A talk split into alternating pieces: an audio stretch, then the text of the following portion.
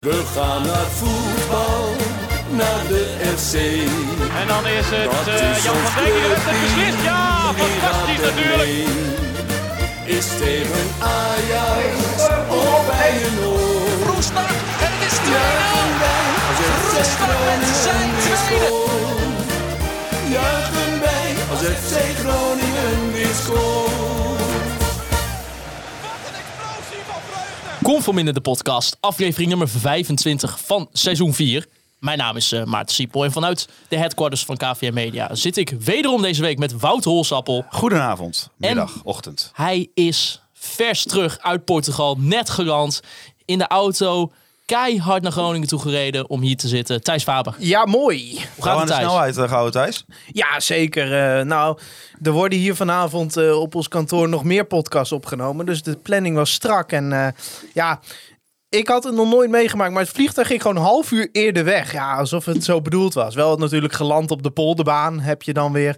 Maar eh, nee, volgens mij ben ik ruim op tijd. Ik werd vanochtend nog wakker eh, aan een mooi strand in Portugal. En nu zit ik weer in het grijze, qua weer dan, hè, Groningen. Ik zag een mooie foto met een mooie vuurtoren. Ja, dat was vanochtend. eh, werd ik met een mooi uitzicht wakker. eh, met eh, een strand en een vuurtoren en mooie paarse lucht toen nog. Ochtendlucht. En nou ja. Nou, je, dat, hebt het, je eh, hebt het verdiend hoor, de vakantie. Ja, daar was ik wel weer even aan toe. Ik was zeker, zeker een, een maand niet op vakantie geweest. Maar eh, normaal gesproken, eh, dan vraag ik altijd even aan jou, hè, hoe was het in Portugal? Maar dan hebben we dat eigenlijk al van tevoren besproken. En dan doen we nog even in de Ja. podcast om even de introductie. Maar ik heb jou nu nog niet gezien, dus hoe was het in Portugal? Ja, het was eh, dag één was ik in Porto. Was, help. nee, ik ga niet elke dag beschrijven. Maar gewoon als setting. Het was le- lekker 20 graden. Heerlijk. Zonnetje. Ik heb in mijn t-shirt op terras bier zitten drinken. Eh, ja, toen zijn we wat meer landinwaarts gegaan. Toen werd het al wel wat kouder. Eh, we waren ook ongeveer de enige toeristen in heel Portugal. Dus ja, we hebben bijvoorbeeld in een hotel, denk ik wel, 40 kamers. En er was er één bezet. Dat was van ons. Dus Oh. eh, En heb je nog een mooie to- toekomstige potentiële headquarters voor KVM Media gespot?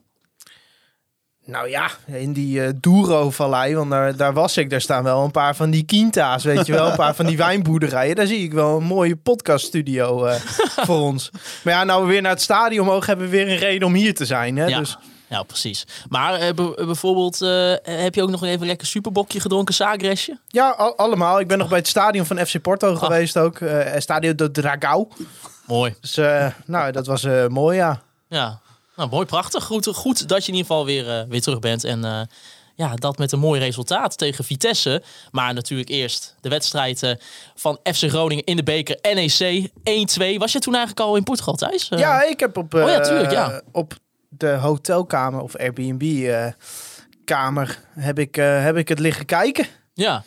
Ja, ik ben blij dat ik eh, in plaats van lekker op terrassen zat te eten, die eh, geweldige wedstrijd aan het kijken was. Natuurlijk. Nou ja, in ieder geval 1-2 overwinningen voor NEC. Helaas, eh, Kelvin Verdonk opende in de tiende minuut de score. Vervolgens was het Michael de Geel en uiteindelijk Mikkel Doelun- Doelund die scoorde voor, voor NEC.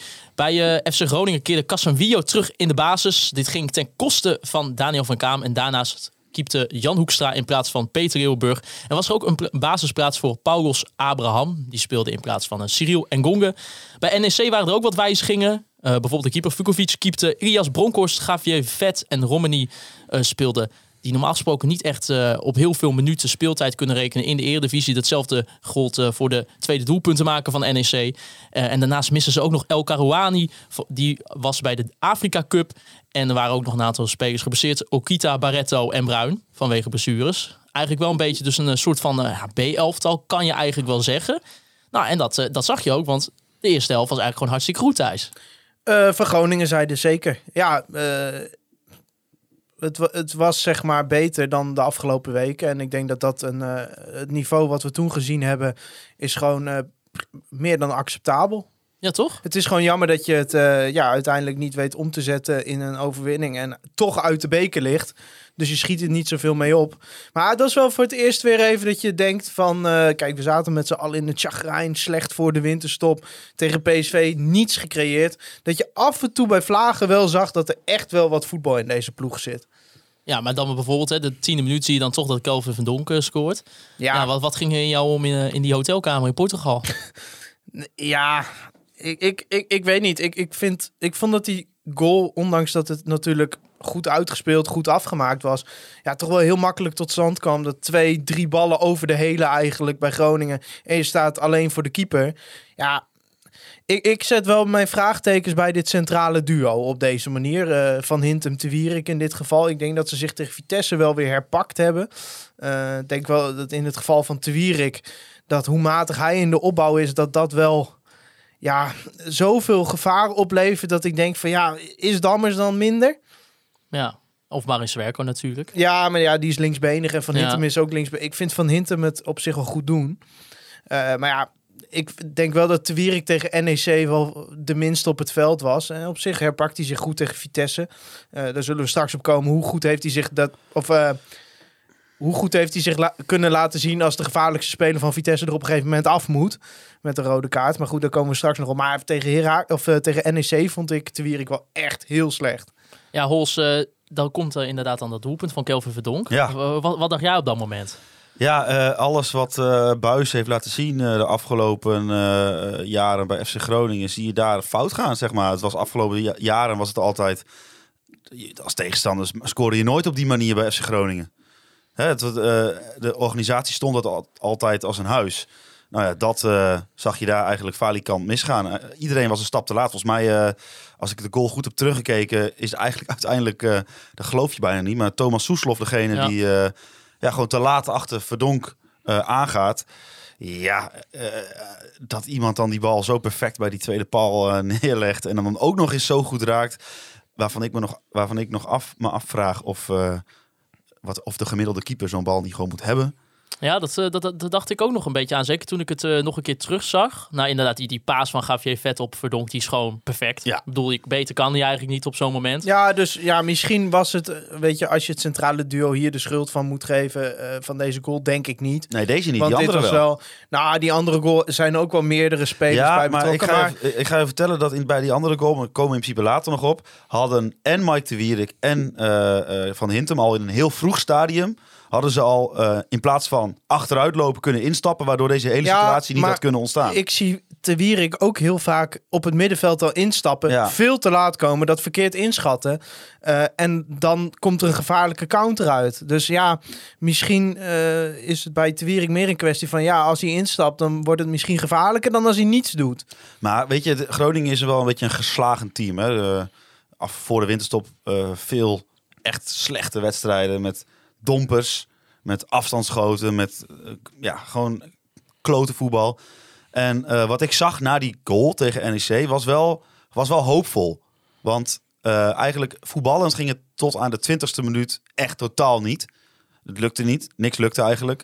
Waar op een gegeven moment ook die goal uit, uitviel. En op een gegeven moment had Groningen een corner of 4, 5, 6 achter elkaar, geloof ik. Vier, denk ik. Ja. En dan zie je dat, zeg maar, soms als het niet wil met voetballen. En, maar je, op een bepaalde manier van opportunisme gooi je even de, eh, de druk erop. Je hebt een paar corners achter elkaar. Daarna ging het voetballend ook veel beter lopen. Nou, je merkte gewoon, ze kwamen er lekker in. Ze kwamen er gewoon het- En dat is inderdaad misschien ook wel een stukje gevoel. Het was inderdaad eh, vanaf eh, minuut 15. eh, je had eigenlijk al direct na de goal had je de bal van Damiel Dankerui op, op Michael de Leeuw. Die vervolgens eh, net niet eigenlijk eh, kan raken. Was net een beetje te hoog.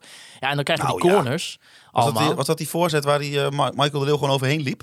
Nee, nee, nee, niet Oh, die Ik heb het de later. hoog inderdaad. Maar inderdaad, je krijgt daarna die aantal corners. Paulus Abraham, die kopt hem. Nee, nou, die, ja, Ja, die mag nog wel even een lesje koppen Die krijgen. Ja. corners trouwens, hè, die hebben er gewoon voor gezorgd dat ik weer 50 euro in dat Toto-spel ja heb oh ja, dat klopt, ja. ja. Ja, nee, ik, We ik- hadden, vorige week hadden we het over dat Toto-spel. En ja, ik moet toch helaas concluderen dat omdat wij dat gezegd hebben, he- hebben er meer mensen meegedaan, Ja, ben ik bang. Want dit. ik zag namelijk tussen de winnaars, want je deelt dan die prijzenpot als je niet alles goed hebt. Dan deel je de prijzenpot. Dan zag ik een paar namen tussen staan dat ik denk, hé, hey, die hebben wel eens een luisteraarsvraag gesteld. Ik denk, het zal toch niet? ja. Dus ja, we hebben onszelf enorm in de vingers gesneden, maar Ja, er was ook Ja. iemand op Instagram of Twitter die, eh, die stuurde ons een bericht die zegt... Ja, wat, wat zijn jullie nou aan het doen, jongens? Want zo zijn we alleen maar onze prijzenpot aan Ja, het vragen. maar er eh, stuurde ook iemand ons een DM. Eh, want ik had zelf nog niet gezien. Ik bedoel, ik ben op vakantie. Ik zit er niet de hele dag het FC Groningen Totospel te checken. en die stuurde een DM die zegt... eh, bedankt nog voor de tip. Ik heb 50 euro gewonnen en Thijs ook. Ik denk, het zal toch niet? Want je kunt dat scorebord gewoon Ja. zien. Dus eh, eh, ja, ik log in. Hoppakee, weer 50 euro Tegen erbij. Vitesse ook Ik- raak? Of, eh, Nee, ja, tegen Ja. Vitesse ging het te goed met FC Groningen. Ja, had ik Ja. ook. Kijk, als je zo'n cynische, zure eikel bent als ik... dan zet je altijd alles tegen Groningen in. Ja. Hè, dan ben je blij als je wint. En als je verliest, dan Ben je ook blij? ja, ik, ik gok nooit op wedstrijden van FC Groningen trouwens. Maar ja, dit spel is gratis en je moet een paar vragen beantwoorden. Ja, dan krijg je de vraag, gaat Wessel Dammers een assist geven? Dan denk ik, ja, kan hij wel ja invullen, maar dat gaat waarschijnlijk niet gebeuren. Maar eh, even om over die corners terug te, eh, op die corners terug te komen. Ja, He- heeft FC Groningen een speler die een goede trap heeft, of niet? nou, Met ja, eh, Duarte. dat weet ik wel, ja. Ja, die is op vrije trappen en, en op eh, corners is hij wel echt heel constant. Hij doet me een beetje aan... eh, in eh, Engeland heb je bij Southampton heb je James Ward-Prowse. Ja. die is ook bizar in eh, spelsituaties. Elke vrije trap gevaarlijk. Elke corner er goed in. Ja, zo constant is Duarte wel. Ja, verder zie je ziet daar, en dan uiteindelijk komt de goal. Eh, prachtige actie van, eh, van Paulus Abraham, die hem, eh, die hem goed geeft op, op Michael de Leeuw. Ja. Kan je wel nog bij zeggen van, nou, de- als die verdediger Ja, wat gewoon... doet hij ja, nou? Ja, Als die gewoon meeloopt met de leeuw, ja, dan is dan, niet, is er, is er- is, dan kan de leeuw al niet zo vrij uithalen. Punt 2. Waarom komen die keepers daar uit? Want met die, met die voorwaartse beweging van die keeper nodig je gewoon de leeuw uit van schiet er maar uh, tegendraads in. Want die heb ik toch, heb ik toch nooit. Ja, maar dit is wel zo'n kans dat ik- kun je de leeuw wel geven hoor. Als die keeper anders had opgesteld, had de leeuw hem er ook in. Jawel, maar eh, dit was wel, dit was wel echt. Ik, nee, ik ben echt serieus. Ik vond het echt een goede aanval. Laat ik dat vooropstellen. Ik wil er niet, af- niet aan afdoen. Maar kom op, hé. Dat is geen. Nou, dit is wel, kijk, eh, hè, ik denk dat als ik ook een beetje richting Vitesse al ga kijken. Hè, dit wordt de podcast van de lichtpuntjes. Hè. Ja, we, ja, ja. we zijn onszelf even uit dat dal van chagrijnigheid aan het trekken. Tuurlijk. dit was zo'n aanval dat we zo vaak tegen elkaar zeggen: als je goed kan verdedigen, zorg dan dat je goed kunt omschakelen, want dan kun je eh, meer scoren. En dit was wel hier. Abraham die speelt er een uit op het middenveld. Perfecte paas op de leeuw. Ja, dan zie je hoe snel het kan gaan. En Ja. natuurlijk eh, de 2-0 tegen Vitesse. We lopen alweer op de feiten vooruit. Is ook zo'n omschakelmoment. Dus ja, ik, ik vind het wel hoopgevend sowieso. Ik weet niet of je het al over Abraham in het algemeen wilde hebben. Nou ja, denk, kijk, die paas was gewoon perfect inderdaad. Maar ik vind wel van ja, als, als, als NEC daar gewoon iets beter staat, dan ho- die, ze hoefde, ik vind die goals als, niet als, echt, als, eh, als. Ja, nee, Ja. dat klopt. Maar Maar als je je hebt, bijvoorbeeld in de opbouw kijkt bij FC Groningen. Hè, volgens mij was het vrij duidelijk wat eh, de bedoeling was eh, eh, tegen NEC. Eh, de twee spelers die als buitenspelers werden aangemerkt, Soeslof en Abraham, kropen heel dicht eh, naar het midden toe. Zodat die linker en die rechterkant open zouden blijven. Eh, dan wordt de bal wordt naar de linker of de rechter centrale eh, verdediger gespeeld door Casanvirio. En die moet hem langs die buitenspeler naar die back spelen. Nou, dat is aan de linkerkant ongeveer 10 keer goed gegaan. En aan de rechterkant ongeveer 20 keer fout. En wie staat daar aan de rechterkant? Op een gegeven moment zag ik een, ja, eh, zag ik een situatie waarbij eh eh Dankerlui die liet zich inzakken, zodat hij die bal van eh Te Wierik kon krijgen. En Te Wierik krijgt de bal aangespeeld. En ik, zag, ik dacht al in mijn hoofd, nee, niet in één keer. Neem hem eerst aan en dan pasen. En je zag, zeg maar, doordat hij hem in één keer wilde pasen, dat die bal zeg maar, niet in de loop van Dankerlui kwam, maar achter hem. Dat soort situaties, dat gebeurt constant aan die rechterkant. Ja, Tenminste in, tegen de wedstrijd, in de wedstrijd tegen NEC. soms als je naar de passing kijkt van de centrale verdedigers, in dit geval denk je wel eens dat ze met de schoenen andersom spelen. En, en ga dan maar eens opletten. eh, eh, ja, we- eigenlijk deze jongen die moeten we, gaan we nog later weer bespreken. Maar ga maar eens opletten wat er gebeurt als, als eh, Meijer wordt aangespeeld in zijn huidige vorm en Dankelui. Meijer draait alles open naar voren. Hij hij speelt daarna niet alles naar voren. Hij speelt hem ook wel eens weer terug. Maar hij draait alles open naar voren. Dankelui draait alles dicht. Hij draait constant met zijn rug, hè, met zijn rug naar, naar de goal van de tegenstander toe. Ja, dan kun je niet vooruit spelen. Ik vind dat wel raar, want Dankelui was altijd bij Willem II best wel een eh, rechtsback die echt aanvallend iets bracht.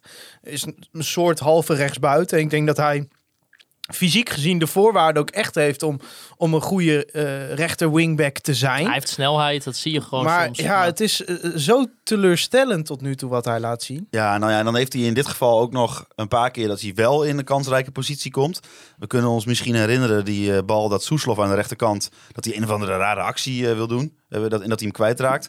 Als Soeslof op dat moment wacht, hè, hij- dus hij kiest niet, komt die Dankelui als een Maniak komt er overheen. Dan kan hij hem en eh er overheen steken. Een beetje de Wijndal eh Idrissi eh, vibe die altijd daarbij wordt genoemd. Of hij gaat naar binnen en hij knalt hem, de- knalt hem richting de goal. Ja. Dus er zijn, wel, er zijn echt wel mogelijkheden om, om het beter te doen. Ja, en kijk, het moet ook geen hetsen worden tegen Te Wierik of zo. Maar ik vind wel dat je met hem opbouwend, ja, Die heeft, een, eh, je moet hem gewoon eigenlijk de bal niet geven. die heeft gewoon een jas uitgedaan sinds hij weer terug is. Ja, maar Te Wierik moet gewoon, eh, weet ik veel, een spits uitschakelen of zo. Maar die, ja, die moet niet eh, steeds in de opbouw betrokken worden. Weet je, als je nu tegen FC Groningen speelt en je zet, weet ik veel, met twee man druk, dan denk je zoiets van, nou, laat die Te Wierik maar vrij.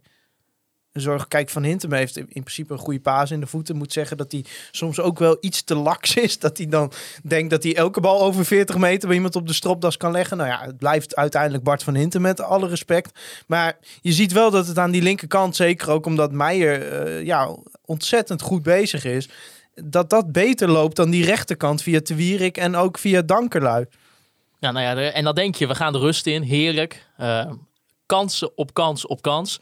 En dan vervolgens in de 48 minuten is het doelpunt eh, van NEC. Ja. Ja, dat, daar, wa- dat was wel echt even de, de meest simpele verdediging die ik ooit heb gezien. Eh, Ja. Nou, of, oh, nou nu, nu chargeer ik het een beetje, maar dit was, dit was niet best. Dit was, een heel, dit was echt een klassiek 1-2'tje. Nou, je zit eigenlijk te wachten. Kijk, Groningen scoort dan vlak voor rust eh, na een goede fase. Dat je denkt van oké, nu gaan ze met een lekker gevoel die kleedkamer in. Kan Danny Buis nog een paar dingen fine-tunen in de tactiek. Waardoor NEC nog meer vast komt te staan. En laat het maar zien. En eigenlijk begint Groningen ook best wel voortvarend aan die tweede helft. Maar op een gegeven moment spelen, speelt NEC die bal één keer door het middenveld heen. Ja, en iedereen loopt achteruit en wacht gewoon totdat hij uithaalt. Nou ja, het is maar goed dat we uit bij Vitesse speelden. Want Jan Hoekstra schijnt nog steeds bezig te zijn onderweg naar die hoek eh, waar die bal terecht komt. Ja. Ja, er gaan daar gewoon een aantal spelers individueel de fout in. Ik, Ik vind het geen blunder van Hoekstra. Maar heel adequaat Nee, maar vind ik het ook niet. Thijs, even een snel college bij een 1-2. Wat, als eh, jouw speler gaat de 1-2 aan, wie volg je? De bal of de speler? Wat zei je? Je gaat, jouw ik jouw- volg hem even jij bent helemaal eh, niet. Het was, het was heel vroeg vanochtend. Jouw verdediger, eh, jouw, jij bent verdediger, jouw aanvaller gaat een 1-2 met iemand aan. Ik ben al lang wakker. Eh, de aanvaller gaat... De 1-2 met iemand aan, een 1-2'tje.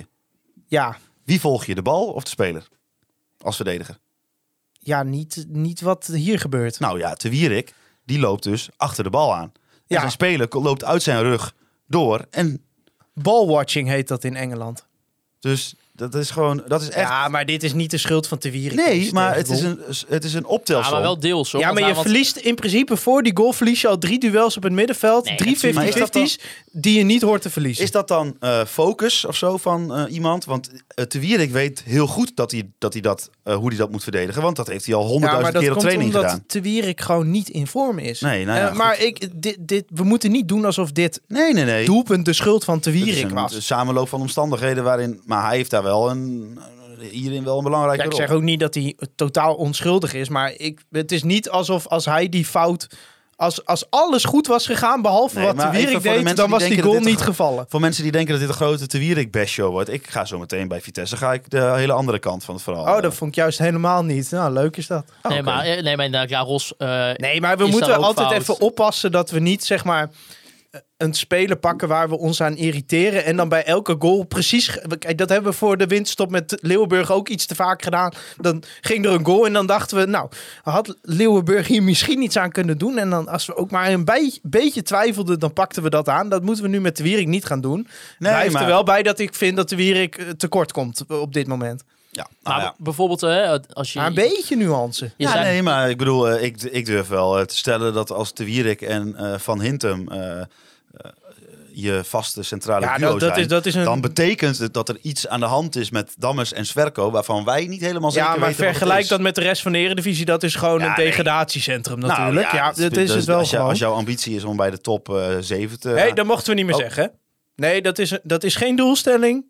Dat is een, inderdaad een ambitie. als jouw ambitie is maar om, er is geen afrekencultuur bij FC Groningen. Dus eh, daar worden ze niet op dan is eh, afgerekend. Te Wierik je derde of vierde centrale verdediger inderdaad. En niet je eerste. Ja, maar ja, het is waarschijnlijk wel de eh, meest verdienende speler in de selectie op dit moment. Dus ik vind ook zeker wel dat je daar echt wel kritisch over Oh, mag zijn. zeggen, dan mogen we wel kritisch zijn als die jongens zoveel geld verdienen. Nou zeg ik niet dat als je eh, weinig salaris verdient dat je dan minder kritiek moet krijgen. Maar het is wel, zeg maar, zijn rol eh, hij heeft toch een andere rol toegedicht gekregen, eh, denk ik, bij, toen ze hem weer terughaalden, dan wat hij nu laat zien. Maar hè, dan vervolgens eigenlijk kabbelt die wedstrijd een beetje langzamerhand door. En dan eigenlijk op een gegeven moment krijg je gewoon natuurlijk het moment dat het echt een beetje die ballenpompen wordt. Een beetje Ja. weer eh, het, eh, het oude klassieke FC Groningen, zeg maar soms. Het was echt een meelijwekkend slecht slotoffensief Ja. trouwens. We Ja. stonden op een gegeven moment volgens mij met acht spitsen te spelen. Die laatste 20 minuten inderdaad, dat was eh, nou, ja, een kwartier, 20 minuten. De, ik, zeg, ik dacht elke keer van, nou, of hij moet nu nog één keer gelukkig goed Ja. vallen. Maar er, zat, er zat in ieder geval geen lijn meer in. Maar heb jij één moment het gevoel gehad van... Die gaat nog vallen, die 2-2? Nou, nee, niet meer op het eh, niet inderdaad in dat laatste slotoffensief. Je had natuurlijk op een gegeven moment nog wel eh, eh, rond 60 minuten de poging van, van Meijer, die Ja. Vukovic goed pakt. Eh, daarna eh, was ook nog uit, eh, uit de corner Soeslof, die, die schoot ook nog de bal op goal. Was ook weer een goede redding van, eh, van de keeper van NEC. Maar toen kwam je inderdaad een beetje in de fase dat het toch maar de lange ballen werden. Inderdaad een paar nog wat grote jongens erin. En toen eh, ja, viel het, dat viel toch wel een beetje tegen. Ja, zo zie je maar dat de wet van de grote getallen in de voetballerij niet opgaat. Want je kunt wel met zes spitsen spelen, maar eh, nog steeds eigenlijk geen grote kans gecreëerd. Nee, en, ik- weet je, en ik snapte ook... eh, Nou, ja, nee, in die laatste 20 minuten niet. Nee, kijk, die, dat, Maar ik vind dat die het gevoel, kans van Meijer, die had er trouwens ook wel ingemogen. gevoel maar, wat overheerst is toch wel niet negativiteit, maar meer, ik vind het gewoon echt sneu voor die gasten. Dat, Ja, het is gewoon kut, want je was in principe gewoon beter. Ja, en de trainer beter. van de NEC zei zelf ook, we hebben hier geluk gehad. Maar ja, dat is bekervoetbal, weet Ja, je. Eh, als we gaan kijken naar het seizoen waarin Groningen de beker won, toen speelden we in de kwartfinale tegen Vitesse. Nou, echt waar, je had, net, je had na 60 minuten had je met 8-0 achter kunnen staan. Ja, je wint die wedstrijd met 4-0 en je wint de beker. Dus ja, het is... eh, in de beker heerst wel afrekencultuur wat dat betreft. Dus eh, ja, zo'n wedstrijd, je ligt er gewoon meteen uit. Maar Ja. ja, ja gelukkig herpakten ze zichzelf eh, zaterdag weer. Ja, maar kijk het, wat ik, kijk, het enige waar ik gewoon een beetje van baal... en dat is dat als je dan toch... je gaat dan toch op zaterdagavond kijken wat loodt NEC. Je weet Ja. natuurlijk al dat ze thuis spelen... en dan loodt ze ook nog Go Eagles. Dan denk je, ja, ja ik bedoel... eh, elke wedstrijd is op dit moment gewoon lastig voor FC Groningen. Maar kijk, bij Go Ahead Eagles denk ik nog... als je die thuis kan, eh, kan pakken, misschien met het publiek erbij... Kijk, Ja. dan, dan, dan sta je in halve finale, hè? Kijk, en dan, en dan zul je Ja. zien dat je dan wel een ploeg treft... en dat je er gewoon uit wordt geknald. Maar eh, ja, Nou ja, er wordt altijd gezegd, ja, als je het beker wil winnen, moet je van iedereen kunnen winnen. Nou, dat is gewoon niet waar. Als je gewoon een goede loting hebt, dan kun je al snel ver komen. Dan gaat het leven. Want laten we eerlijk zijn, de, de, de, loting die wij hadden eh, rondom onze bekerwinst. Ja. Daar, za ja, er zaten wel wedstrijdjes bij. Denk ik, oh, nou als je tegen mij had gezegd dat wij Excelsior in de halve finale gingen treffen, dan... eh, Ja, maar oké, weet je, het, het komt nu uiteindelijk zo uit. En je, ja, je, het verandert er niets meer aan, want je hebt die wedstrijd eh, Eh, maar ja, kut is het wel, ja. ja. Maar o- over die keeperstrijd die er is, hè, dat, dat werd toch nog een beetje Ja, in die oefenwedstrijden tegen de Duitse ploegen gezegd. Ja, Jan en eh, Jan Hoekstra en Peter Eeuwenburg die eh, zitten vrij, vrij dicht bij elkaar als het gaat om de positie. Nu hebben Jan een beetje in actie kunnen zien. Thijs, jij was van tevoren niet eh, echt fan van de keuze om Jan Hoekstra te laten Nee. keepen. Eh, ja, wat, wat, hoe heb je gekeken dan naar die twee goals? Want eigenlijk heeft hij Ja, verder niet echt heel nee, veel te ik, doen ik gehad. Vind dat, ik vind het dan eh, een, een te ver gaan om hem dan op één wedstrijd ook meteen af te rekenen. Ja, want Siem vroeg bijvoorbeeld van ja, denken jullie dat de wedstrijd anders had uitgepakt als Leeuwenburg had Ja, gekipt? dat, dat kun je nooit zeggen. Nee. Dat kun je nooit zeggen. Dus ik vind het ook wat, omdat weet je, het is niet alsof hij twee blunders maakt. Maar ja, Want dan was ik, het ik misschien weet 3-1 niet. geworden voor ik, ik, vind gewoon, ik vind het gewoon niet verstandig om een keeperstrijd aan te binden midden in een seizoen eh, waar je al een team hebt met weinig vastheden. Ik snap het niet. Dat, want Buis is hier zelf mee begonnen. Hè? Het is niet alsof de media er een, eh, er een keeperstrijd van maakt. Hij komt daar zelf mee naar buiten dat ze dicht bij elkaar zitten. Terwijl ik denk, ja, als je al een keeper hebt die niet de meest stabiele indruk maakt. En ja, misschien moet je zo'n gozer ook gewoon vertrouwen geven, weet je wel. Nou, Ja, of ze liggen gaat, toch zo eh, daadwerkelijk dicht bij elkaar dat, dat Buis toch ook Ja, eens denkt, ik maar- wil Jan Hoekstra een keer... eh, Het, het, het, het, eh, getuigt allemaal van weinig consistentie in het, in het beleid van Buis. Want ja, een paar weken geleden had hij nog ruzie omdat hij hem niet gebruikte tegen Helmond Sport. eh, omdat hij zei, ja, Leeuwenburg is onze eerste keeper. Terwijl ik denk, ja, kies gewoon een eerste Ja, keeper. en ik denk serieus ook wel dat het wel eh, eh, dat het inderdaad niet zo dicht, niet zo ver bij elkaar vandaan ligt. Nee, het zijn, het zijn beide keepers die, eh, ja, denk ik, niet subtop kwaliteit zijn. Ietsje daaronder. Eh, ja, oké, dat ze dicht bij elkaar liggen. eh, dat, dat kan, dat kunnen wij niet beoordelen. Ik bedoel, zij zien die gasten elke dag trainen. Maar ja, ik weet niet. Ik vind als je eenmaal een keer voor een keeper kiest en... en het is nou ook niet alsof Leeuwburg elke week een fout maakt. Nee, maar ik, dat, daar zat ik laatst nog over na te denken. Dat zeg maar, we doen er heel makkelijk over dat Leeuwenburg al 27 is. Maar die heeft gewoon eh, de afgelopen jaren bij FC, eh, FC nou wat zal het zijn, eh, Knollenveld eh, in Zuid-Afrika, op een zeer bedenkelijk niveau voetbal, profvoetbal gespeeld. Hè? Dat is wel even wat anders, denk ik, persoonlijk, als je, de, als je voetballer bent. Dat is wel even wat anders dan elke week die druk van de eredivisie op je schouders hebben. Nou ja, ik kijk niet elke week naar de competitie van Zuid-Afrika. Dus ik durf, daar zelf geen uitspraak over te doen. Maar dat, ja. Ja, weet Dat- je wat, ik- weet ik- je wat ik is? Ben er wel, ik ben wel van de school dat ik denk van... eh, je maakt dit seizoen af met Leeuwenburg. En als hij volgend jaar aan het begin van het seizoen nog een paar keer zo overkomt... ga je op zoek naar een andere keeper. Ja, maar we- ja, ik, ik weet niet. Je maakt gewoon een keuze om hem eerste keeper te maken. Ehm, en, en we zitten nu al met een elftal, weet je. Er bestaat al onrust. Een trainer die weggaat. Het Ja, nee. eh, moet- reden waarom is twijfelachtig. Eh, de nieuwe trainer eh, staat waarschijnlijk deze week al gepresenteerd. Dus het is elke week is er wel iets Ik denk wat als- gewoon FC Groningen nieuws is, wat niet met een wedstrijd te maken Als heeft. eh, Als je dan ook nog een positie in het elfte wat gewoon een soort consistente positie hoort te zijn, dat je daar ook nog een vraagstuk over gaat maken, ja, dan kom je met z'n allen in een situatie terecht waarin niets meer zeker is, zeg maar. Nee, persoonlijk denk ik ook dat de beste keuze voor het team zou zijn tegen Peter Leeuwenburg zeggen: jij bent gewoon dit hele seizoen de eerste keeper. Tenzij je op je kop gaat staan tijdens wedstrijden. Maar verder ben jij gewoon de eerste keeper, punt. Ja, of de bal tegen de spits van Vitesse aanschiet. ja. dat kan ook altijd nog. Nee, maar goed, daar zullen we het zo over hebben. Ik, ja, ik weet niet, ook met zo'n fout. Weet je, hij was de laatste tijd, eh, vond ik beter. Ja. Sinds, sinds die, sinds die ja, fout tegen Peck toen Ja, thuis. Ik, ik ik denk, vond eh, hem wel beter, beter overkomen. Ik dacht wel van ja, het is echt, het mag niet deze fout, maar.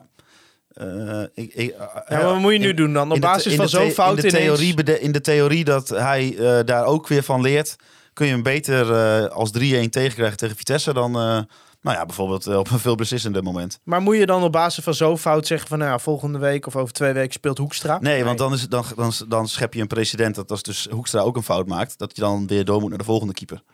Keepers maken fouten, hoort erbij. Ja, dat zou betekenen misschien Jan de Boer eh, ooit nog in Ja, actie dat, ja Feyenoord. oké. Ja, dan, daar ben ik wel warm dan ben ik ook- voorstander ja, ben ik ook voorstander van. Ja. Nou, we kunnen wel gelijk dan ook naar die wedstrijd gaan. Vitesse FC Groningen, een 1-3 overwinning voor FC Groningen. Heerlijk. Na zo'n eh, eigenlijk een beetje teleurstellend gevoel, wat je dan toch nog overhoudt dat je niet door bent in de beker. En dan win je opeens met 3-1 van, eh, van de nummer 4 van Nederland. Ja, bij eh, Vitesse was er geen Richetri Bazour vanwege ziekte. Voor hem stond Enzo Cornelissen, en dat is wiens oom Juri Cornelissen is, stond, stond in de basis. Ook eh, Tronstad was nog niet helemaal fit en werd vervangen door Patrick Vroeg. En wel keerde nog Matus Bero terug in de wedstrijdselectie, maar eh, die viel uiteindelijk ook nog in. Ja, bij FC Groningen was, eh, hadden we eigenlijk Karel Duarte natuurlijk wederom weer verwacht op het middenveld. Maar die moest geblesseerd afhaken tijdens de warming-up. En daarom was er een basisdebuut voor Mengairo Bogarde. Die het neefje is van Danilo Duki. Nou, dat heb ik allemaal geleerd eh, van de commentator Ja. eh, afgelopen weekend. Geweldig. Ja, en Engonge was daar ook wel een naam die, eh, die ontbrak. Ja. Ehm, tegen NEC dacht ik nog van, ah, hij wordt hè, vanwege misschien toch een beetje, ja, dat, dat hij misschien nog niet helemaal fit is. Of hè, gewoon om spelers te sparen speelt Paulus Abraham. Maar ehm, ja, Danny Buis verwacht meer van hem. Tony Harkema vroeg, wat is er aan de hand met Engonge? Nou, ik denk dat het vrij simpel is. Ik denk dat Buis dat op indirecte manier, niet direct, of misschien ook wel een beetje direct, gewoon vrij duidelijk maakt in interviews. Hij zegt constant eh, eh, van er wordt eh, meer gevraagd dan alleen leuke acties en schoten op doel. En ik denk dat eh Buis er helemaal klaar mee is dat Ng- Ngonge denkt dat profvoetbal inhoudt dat je af en toe op doel schiet en af en toe een actie maakt. En nou, kom op, hij moet niet overdrijven. Hij doet heus wel wat verdedigend werk, maar kennelijk niet genoeg in de ogen van de technische staf. Ja, want eh, bijvoorbeeld hè, bij ESPN kwam dan natuurlijk ook de discussie van... ja, oké, maar kan FC Groningen het wel permitteren? Ja, om- dat was wel een goede timing om die discussie te voeren. Ja. Nadat FC Groningen volgens drie doelpunten maakt. Ja, ja, inderdaad, dat zul je dan weer net zien. maar dat is wel hoe het werkt. Weet je, zo'n Ngonge die zal ook dat gedacht hebben. Precies wat die Mike Snoei, de eh, analist vooraf, Ja. zei. Zal, zal Ngonge misschien ook wel gedacht hebben. Van, hè, zul je zien dat ze zo meteen eh, FC Groningen weer niet scoort. En dan mag ik in de 70ste minuut mag ik het weer gaan laten zien. Dus eigenlijk is het heel goed voor eh Ngonge dat hij nu gezien heeft van... Oké, kloten. Hebben drie keer gescoord. Ik was er niet bij. Ik moet eh, gas gaan geven. Want anders dan eh, beland ik op het tweede spoor. Maar het is toch ook heel simpel. Een Abraham in, in deze vorm waarvan je gewoon ziet... die is stappen aan het maken. Ja. Die moet je nu toch ook gewoon vertrouwen geven. Die linkerkant, Meijer-Abraham... ja, ik zie daar wel potentie in. Zelfs op de korte termijn al. Terwijl Ja, aan het dus- begin van het seizoen thuis was jij nog niet zo... eh, Nee, maar ik, ik ben hier de eerste... en dat wilde ik ook vandaag nog even aanstippen... dat eh, ik heb mij vergist in uh, Bjorn Meijer. Nou, dan, dan kunnen we gelijk even gaan naar de Ongarito Company. Moment van de week. Het Online Retail Company moment van de week.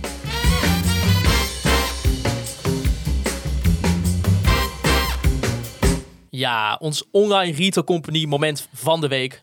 Gesponsord dus door onze grote vrienden van Online Retail Company. Verschillende webshops. Je kan alles halen. eh, zwembaden. Eh, wat heb je allemaal nog meer?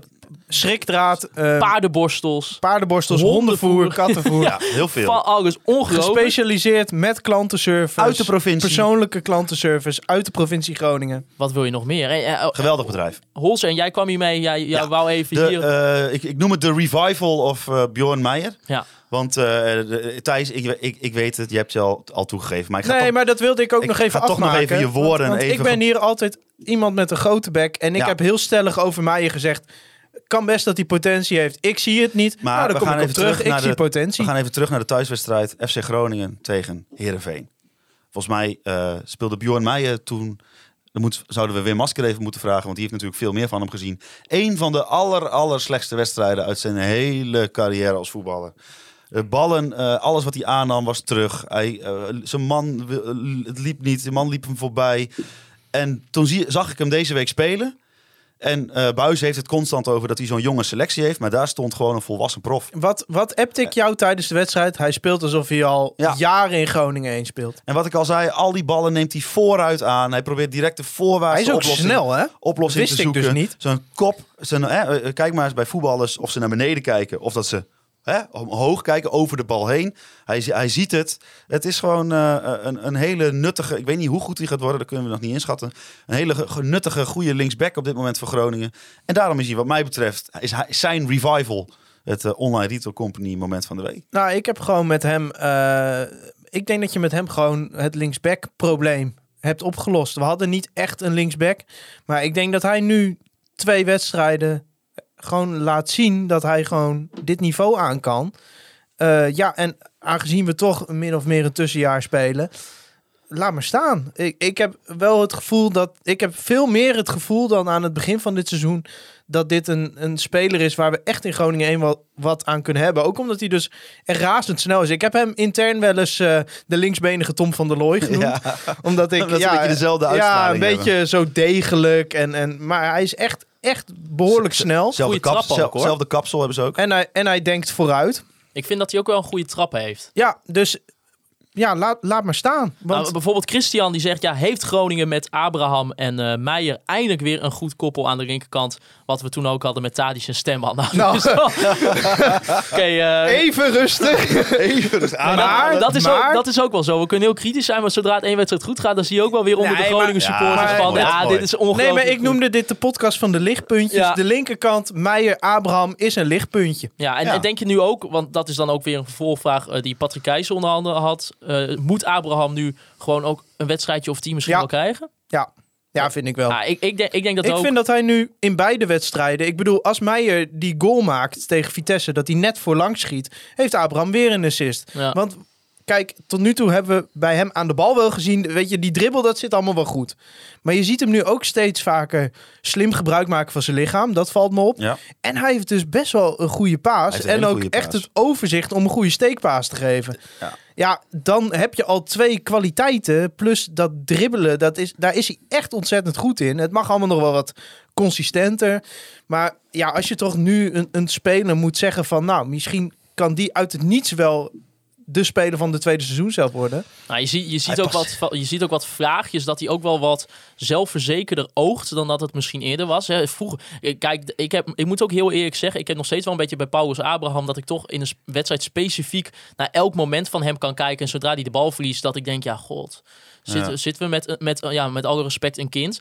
Maar je ziet nu wel gewoon in, in de Ja, het is- het is Het is nog wel een klein beetje zo eh, als er straks weer mensen in het stadion mogen zitten en eh, hij komt met zo'n kind het veld op dat je je afvraagt wie van de twee het Ja. kind is. Nee, maar kijk, maar je ziet, je ziet ik vind wel, hij st- eh, straalt wel wat Ja, zelfverzekerdheid het, uit. het, is, En- het, het jeugdspelergevoel is er Ja. een beetje af. En dat Nou, geldt voor Meijer dat- ook. eh, Het begint, het begint Begint. eraf te gaan. Ik vind, eh, eh, hij wel nog- even zien, hè? gaat- Ja, hij, het, Ja, maar Wat- wat dit- het mooie hij is kan wel voetballen. wat- en dat laat hij eindelijk een keer zien. hij laat eindelijk zien dat hij kan voetballen, maar het, het, het, het, het, het is nog geen volwassen Weet je, hij schiet er niet tien in, denk ik, de tweede seizoen zelf. Maar ik denk dat we regelmatig, in ieder geval één keer per wedstrijd, gewoon een keer een goede steekbal, een mooie dribbelactie. En laten we wel zijn, als hij dat dribbelen eh, ja, vaker kan laten zien, daar zelfvertrouwen in krijgt, dan is het ook nog een hele leuke speler om naar te kijken. Behalve dat hij ook rendement heeft. Dus Ja, wat is wel grappig hieraan is, is zeg maar, eh, we hadden eigenlijk tot nu toe nog niet gezien eh, waarom hij gehaald is. Toch? nee, klopt. En Zo nu eerlijk moet zie je je- zijn. Wa- waarom hij gehaald is. En dat als hij die volwassenheid in zijn spel en als hij die zelfverzekerdheid in zijn spel daar nog bij opgooit en hij ontwikkelt zich, dan snap je ineens, oh ja, die is wel 2 miljoen waard. Dat begin je nu een beetje te zien. Ja, ik weet maar. niet. Ik, ik Maar vind kan het nog- ook. Je moet niet elke keer maar weer die transfersom erbij halen. Maar, Oh, ja. ja. het is wel zo. Ja, maar, ja, maar, Ja, oké, ik, maar- snap het maar- ook wel. Daar kan, die jongen kan er niks aan doen. maar oké, misschien kunnen we het best samenvatten als van we hebben maandenlang de potentie niet gezien. En nu zie je weer bij Vlagen dat je denkt: oké, als hij dit op consistente ja, ja. basis kan doen, dan is het een hele goede speler. Ja, maar het is toch ook geen geheim bij hem dat het, eh, dat het hem zeker in de beginperiode, en misschien ook met het missen van die kans bijvoorbeeld tegen Herenveen. het was ook nog een keer in de thuiswedstrijd dat hij wel een beetje een, kans die hij had moeten maken miste. Dat, dat bij hem ook wel de onzekerheid erin sloop. En dat je dan toch eh, ziet, ja, op het moment dat het misschien al slecht gaat, dat, dat hoorde je ook in de, in de media wel van. Dat, eh, ja, dat hij daar wel moeite mee had. En eh, ik hoop nu met, hè, met in ieder geval de assist op, eh, op Michael de Leeuw. En eh, ook eh, bij vragen hele leuke dingetjes laten zien tegen Vitesse. Hij is ook natuurlijk deels verantwoordelijk voor het eh, doelpunt van Daniel van Kaan. Waar die gewoon even goed lichamelijk ook eh, Ja. eh, zijn inzet toont.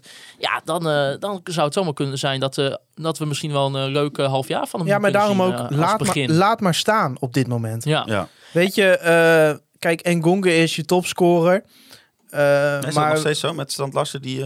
Ja, ik Die zit even te twijfelen nu. Die komt in ieder geval in de buurt. Ja, Ja. kijk, Engonge heeft gewoon veel doelpunten gemaakt. Laten we dat in ieder geval zo insteken.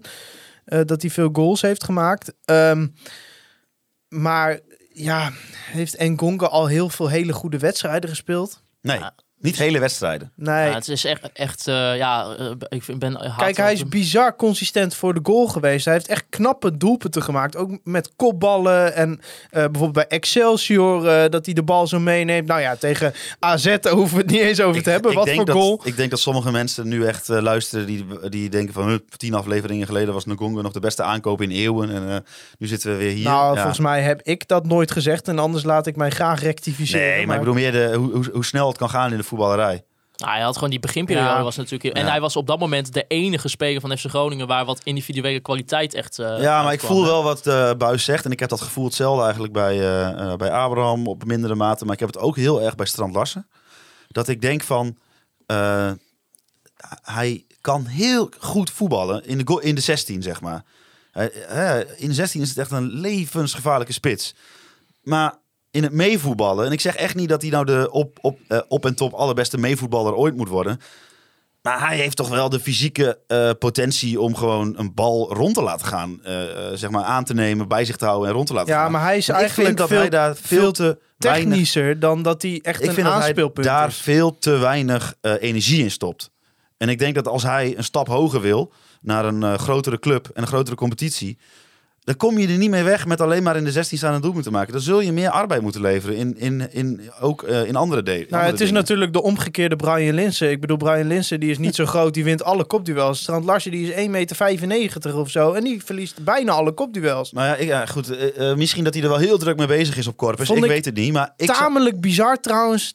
NEC had drie enorm lange centrale verdedigers. Wat werd de tactiek in het slotoffensief? Alles maar hoog gooien. En Stand Larsen werd eraf gehaald. Ja, ja maar ja, ja, die, die die wint ook geen geen kopduel? kopduels. Ja, maar Maar, daar, daar zie je dan natuurlijk nog wel een beetje de beperking dat dit FC Groningen team heeft als het aankomt op, op het spel maken, toch? Ja, Dus, nee, ja, klopt. Eh, en daar was ik ook een beetje bang voor nadat Vitesse die rode kaart kreeg. Want laten we Vitesse weer even oppakken. Ja, nou ja, kijk. Eh, kijk, eigenlijk voor die rode kaart eh, is Vitesse eigenlijk wel wat beter. Niet, niet echt levensgrote kansen gecreëerd of zo. Dus, kanten heel matig, dus, vond ik hoor. Tot die rode je kaart. houdt, nou, als je dan hè, zegt je speelt tegen de nummer 4 van Nederland op dat moment, dan, dan hou je het goed tegen. En inderdaad, nou, nog een pogingje van Strand Larsen. Maar ja, verder was er niet heel veel aan de hand.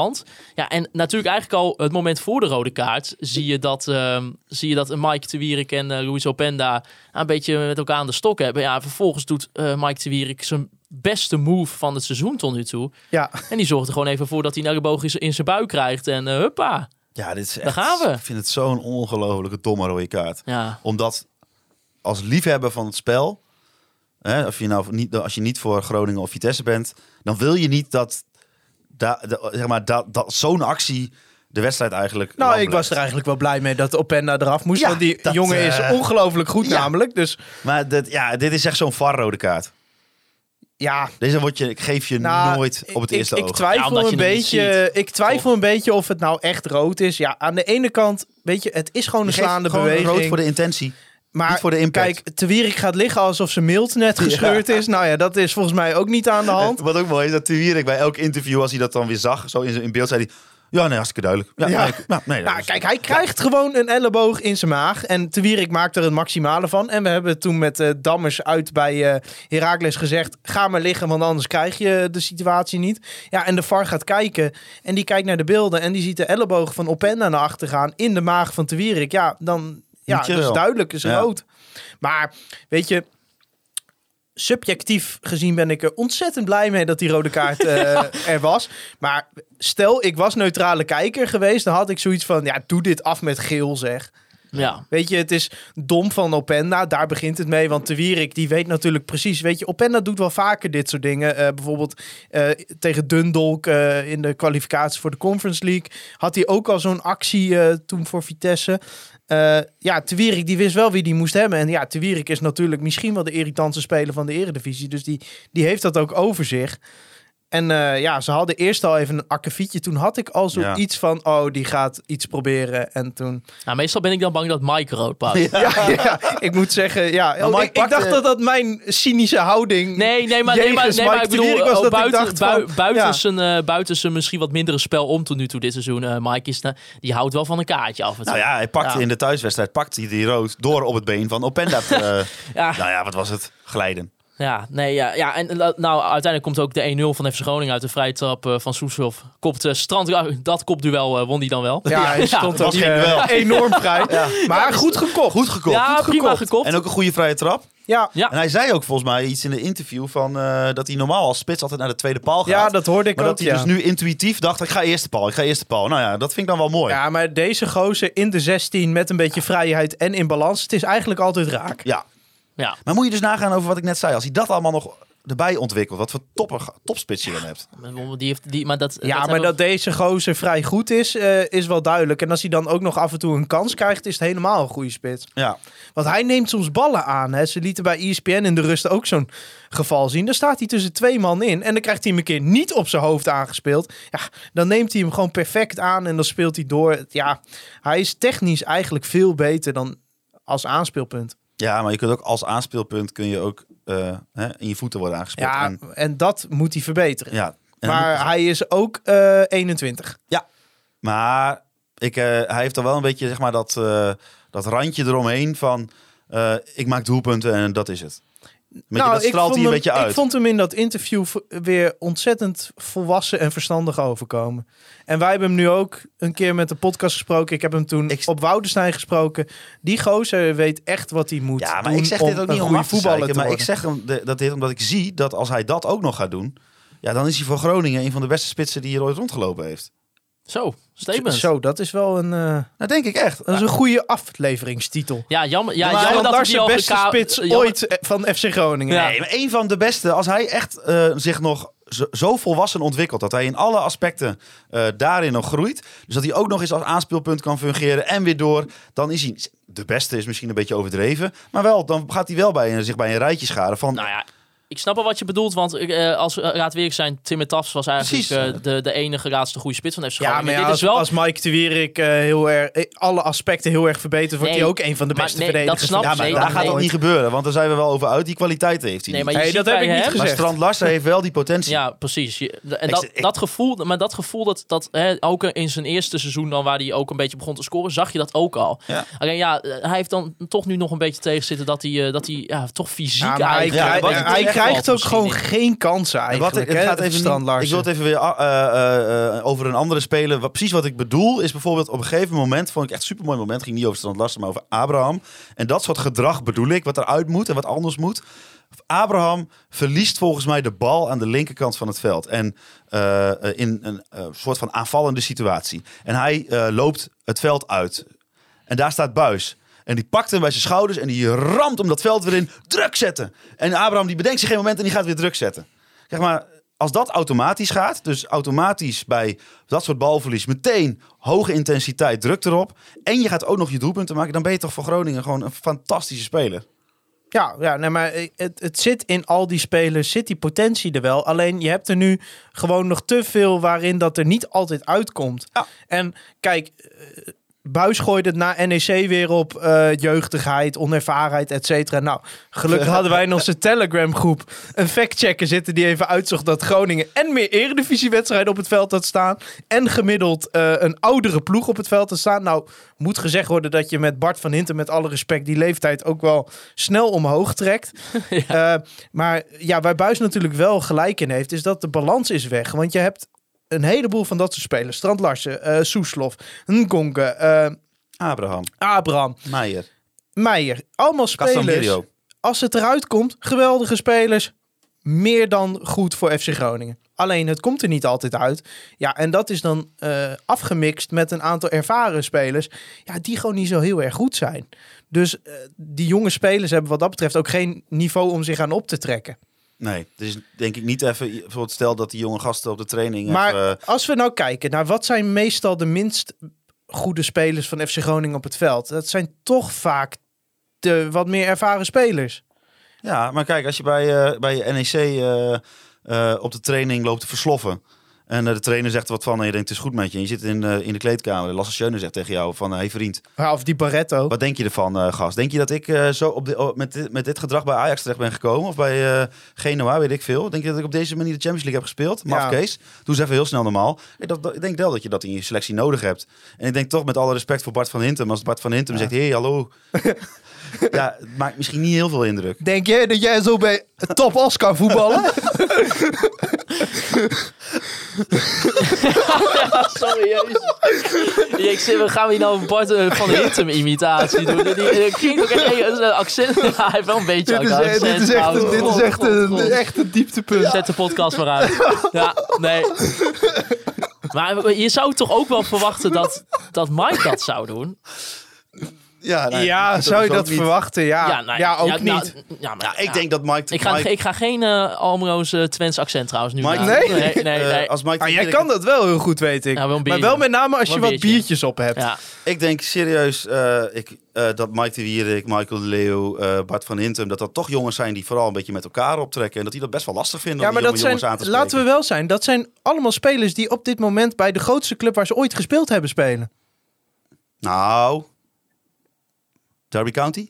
Nou ja, kijk, ja oké, maar daar heeft maar daar moet je Twering wel niet gespeeld. gespeeld. kijk, De Leeuw heeft natuurlijk bij FCM gespeeld, dat moeten we niet uitvlakken. eh, dat toch is het een- eh, FC Barcelona ja, ik heb bij Dagblad van de Noorden gehoord dat die beter zijn dan FC Groningen. Dus, eh, maar nee, ja, het zijn wel allemaal spelers die in principe nu bij hun beste club qua niveau van hun hele carrière En ik kan me ook wel nog zo voorstellen, maar kijk, dit, dit, dit eh, vul ik in. Hè, maar ik kan me ook wel voorstellen dat Michael de Leeuw als, als persoonlijkheid nog ook een beetje te lief is. Ja. Ik zie Michael de Leeuw niet heel gauw bijvoorbeeld eh, naar, ehm, nou, noem het maar op, naar Cyril en Gong lopen en zeggen van godverdomme, ga, je- ga je nou even wat harder op die fiets trappen of niet? ja, ik bedoel, ik, dat, ja, maar Excuses voor onze gelovige ja, luisteraars. zeker.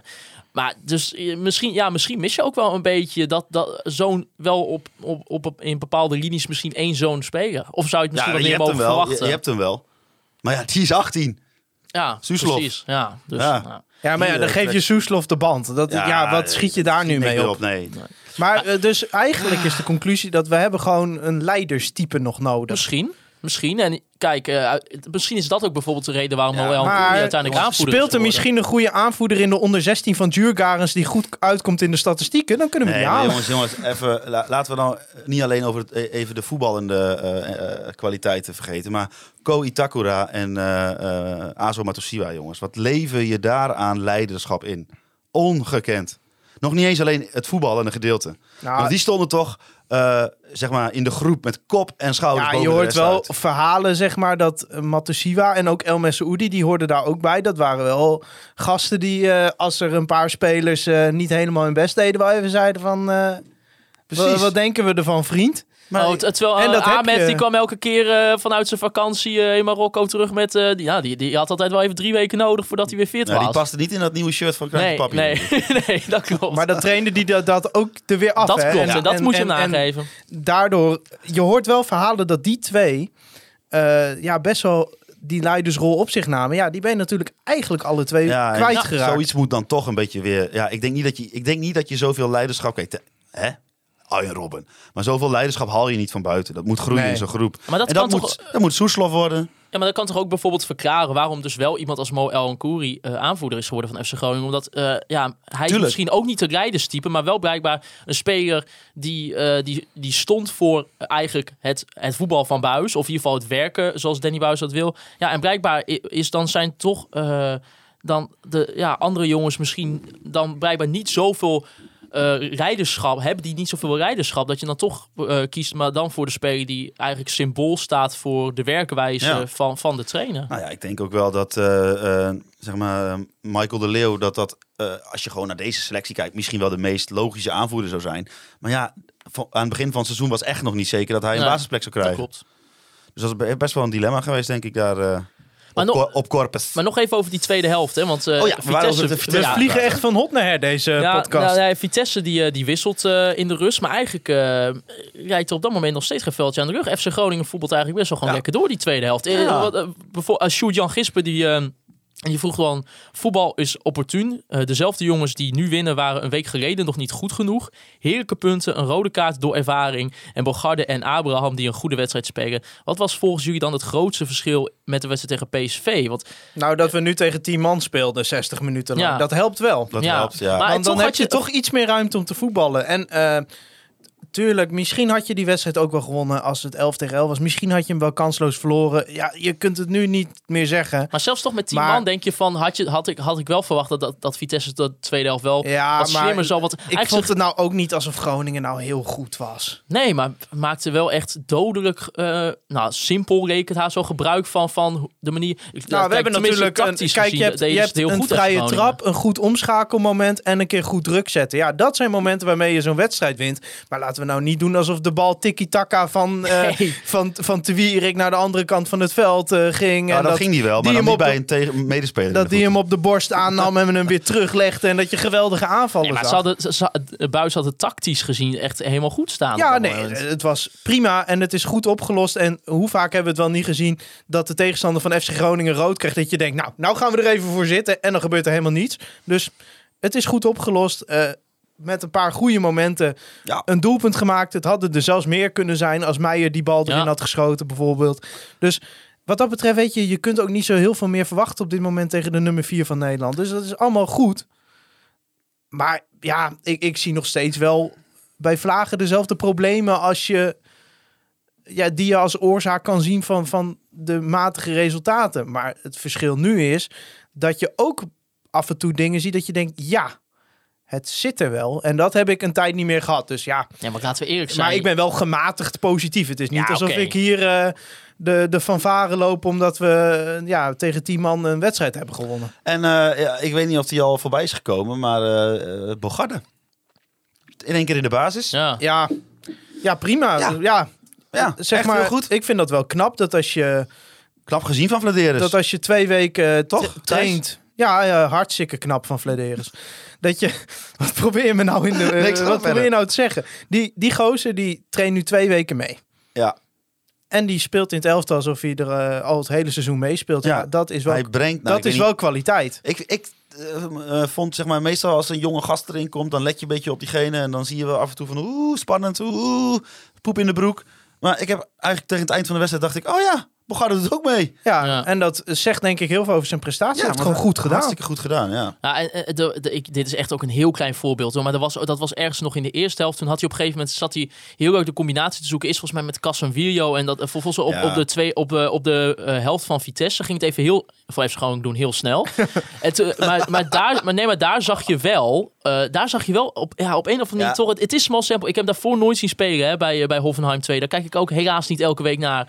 Maar daar zie je wel... Daar zag je wel even kort van... Oké, als, als, als hij dit consistent kan doen... Ik ben, Ja, dan heb je wel een hele Laten we even vooropstellen dat, dat ik niet in de kleedkamer van FC Groningen zit, maar mijn voetbalhart hoopt een bromance, een voetbalbromance te zien tussen Casemiro en Bogarde.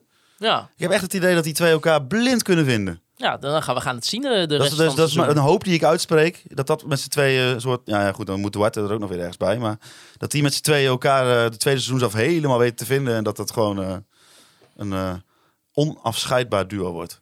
Ja, of, eh, of, of straks wordt misschien dan uiteindelijk toch de keuze gemaakt dat, ehm dat Duarte gaat spelen met Bogarde. Of eh, we komen er straks nog op. op Wel lekker, want ik volgens mij eh eh, Duarte is niet echt geblesseerd, maar het is meer iets van iets, ja, gewoon niet helemaal fit, was slepends nee. geloof ik. Ik vind En dan trouwens is wel fijn dat je- Duarte vond ik tegen NEC ook weer goed. ja, die was Ik, ik vind Duarte ehm, echt een speler. Weet je, als je weer die aankopen van de zomer. We moeten het ook niet elke podcast doen. Vind ik hem echt wel stappen maken. Ja, hij en moet- dat zeiden we vorige week ook al. Maar Hij moet nu niet alleen consistent gaan voetballen, maar ook ja, consistent maar fit ook, zijn. ook in zijn geval, je ziet gewoon. Ja, we zeiden dit vorige week ook. Je ziet bij hem gewoon iets meer wat het idee met hem ooit geweest. Dus je wil een, eigenlijk een Matusiwa die misschien iets minder kan verdedigen, maar wel voetballend beter is. Ja, en het is gewoon, als hij het op zijn heupen heeft, is het ook gewoon een hele leuke voetballer om naar te kijken. Dus Ja, die trap is... Ja.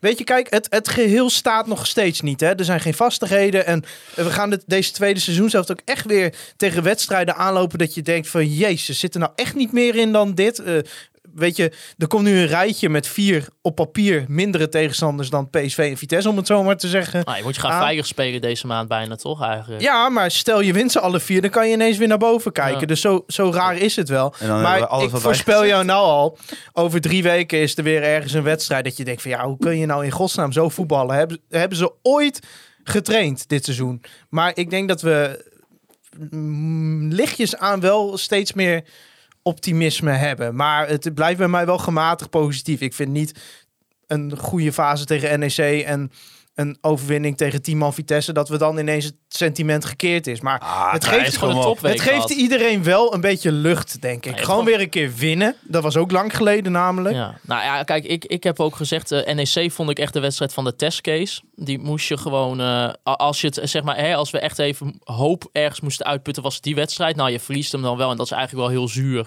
Maar eh, ja, het gevoel wat ik eigenlijk eraan overhield, ondanks het beetje het gezapige laatste kwartier, was gewoon goed. Ja, en natuurlijk, eh, rode kaart helpt je gewoon uiteindelijk wel. Daar moeten we ook eh, heel eerlijk over zijn. Maar ja, man, kom op. Dit is gewoon de topweek geweest. En dit was, ja, vind ik wel. Ik, ja, ik ik, Een topweek, uitgeschakeld in de beker.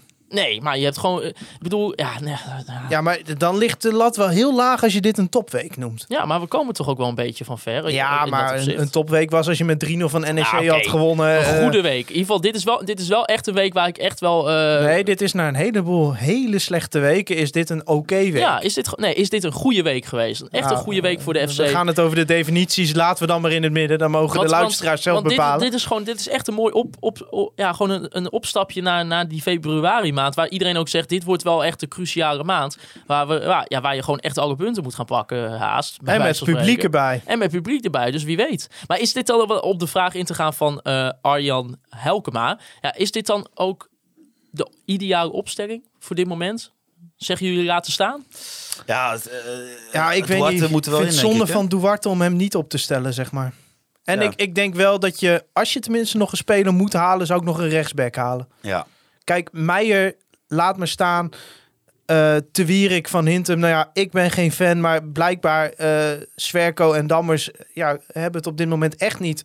Laat dan ook maar staan, zodat je in ieder geval die vastigheden hebt. Ja, of je moet, toch gaan, of of je, moet toch gaan kiezen voor eh, misschien dat je Casemiro ook op eh, ja. eh, centrale verdediging kan En zetten. dat In- je dan... eh, ja, dat je eh, me toch Ja. met Matuta of, eh of Bogarde Maar gaat spelen. kijken of je op rechtsback misschien een Wie? optie kunt vinden die eh, die verdediging compleet maakt.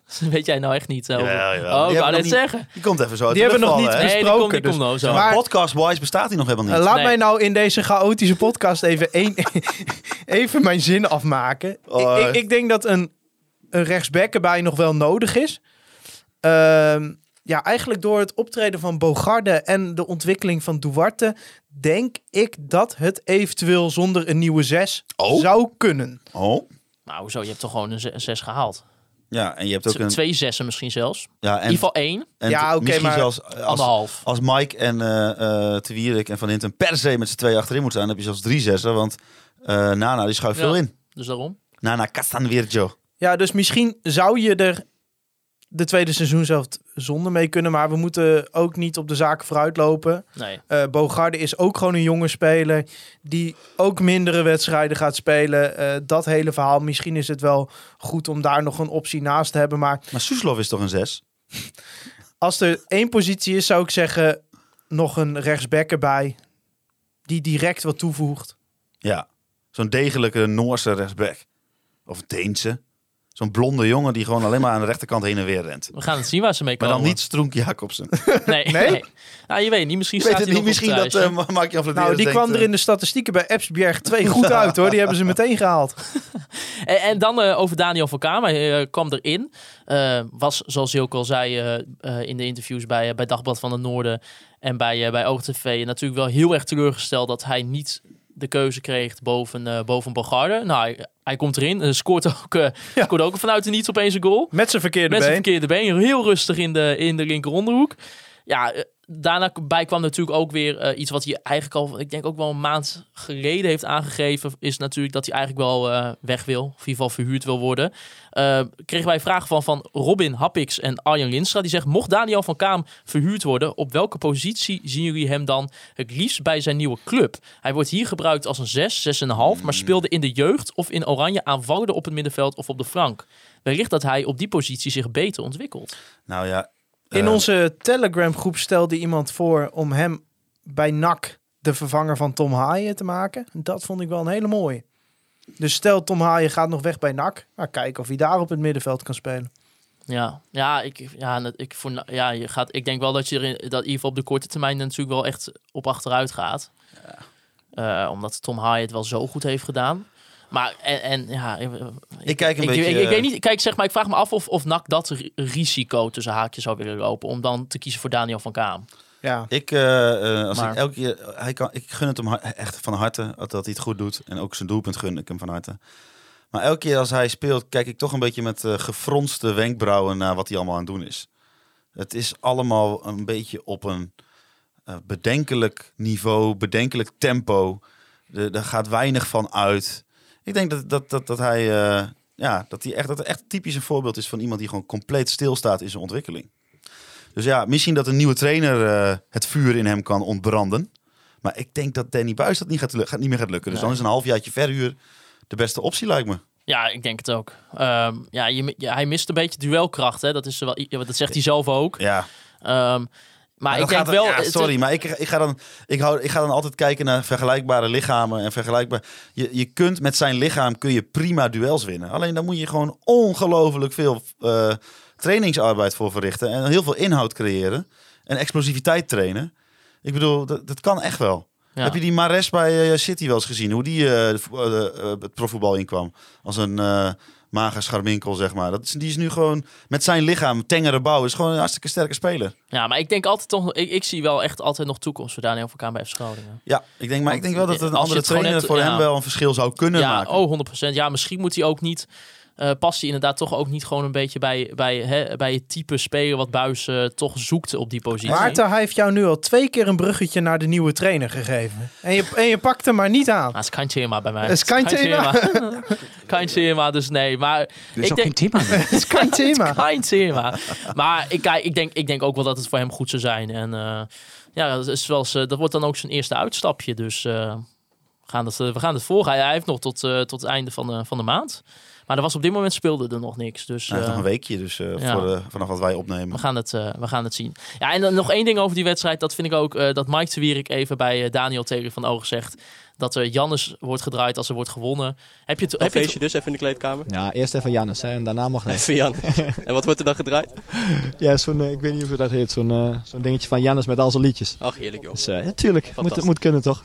Ja, Altijd opstellen. Medley noemen we dat. Altijd Ja, opstellen. nee, dat hij heeft Wat het, een eh, geweldige speler. Ik wist gelijk over welk nummer die het had. Hij heeft het namelijk over de Jannes Hit Hit medley. Medley. Ja, dat is echt zo goed. Dan heb je banger na banger na banger. Ja, en kijk, weet je... Het schijnt dat hij ook regel, met enige regelmaat uit de boksen van Proeflokaal Hooghout schalt. Ja, nee, ik bedoel, het is een, een geweldig nummer. En als dit een van de eerste nummers is dat wordt gedraaid bij een overwinning, dan ben ik ongelooflijk trots op mijn club. En dan heb ik ook weer vertrouwen in die tweede seizoen zelf. Ja, nee, maar ik bedoel, als je al, als je al Jannes gaat draaien in de kleedkamer, dat is gek voor de jongens, weet Ja, het schijnt ook dat Suslov heel vaak van die Slovaakse muziek Ja. draait, hè? Ja, ja dat, vond, dat vond Mike eh, weer wat minder. Ja. Maar eh, ja, nee, eh, geweldig. Maar goed, dan zie je wel weer wie de baas is in de kleedkamer. nou, zo zie je het maar weer. En kijk, dat Jannes verbonden is aan FC Groningen vind ik alleen maar mooi, want ik ben ook fan van Jannes.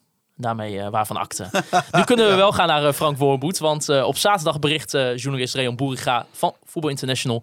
dat alle seinen op groen staan over, eh, van de overeenkomst tussen FC Groningen en de huidige trainer van Heracles Almelo. Dat is ook geen thema nu. Ja, nu dus wel. Ja, eh, inderdaad, kein thema, kein, kein thema. Maar wij zeiden het al eerder, dit is zeker een thema. Dit is een thema. Een thema. En ja, het gaat gebeuren. Ehm, het is nog even afwachten wanneer precies. Dus ze, ze zullen deze week natuurlijk nog wel trainen. Dus misschien eh, op vrijdag zou kunnen, bijvoorbeeld.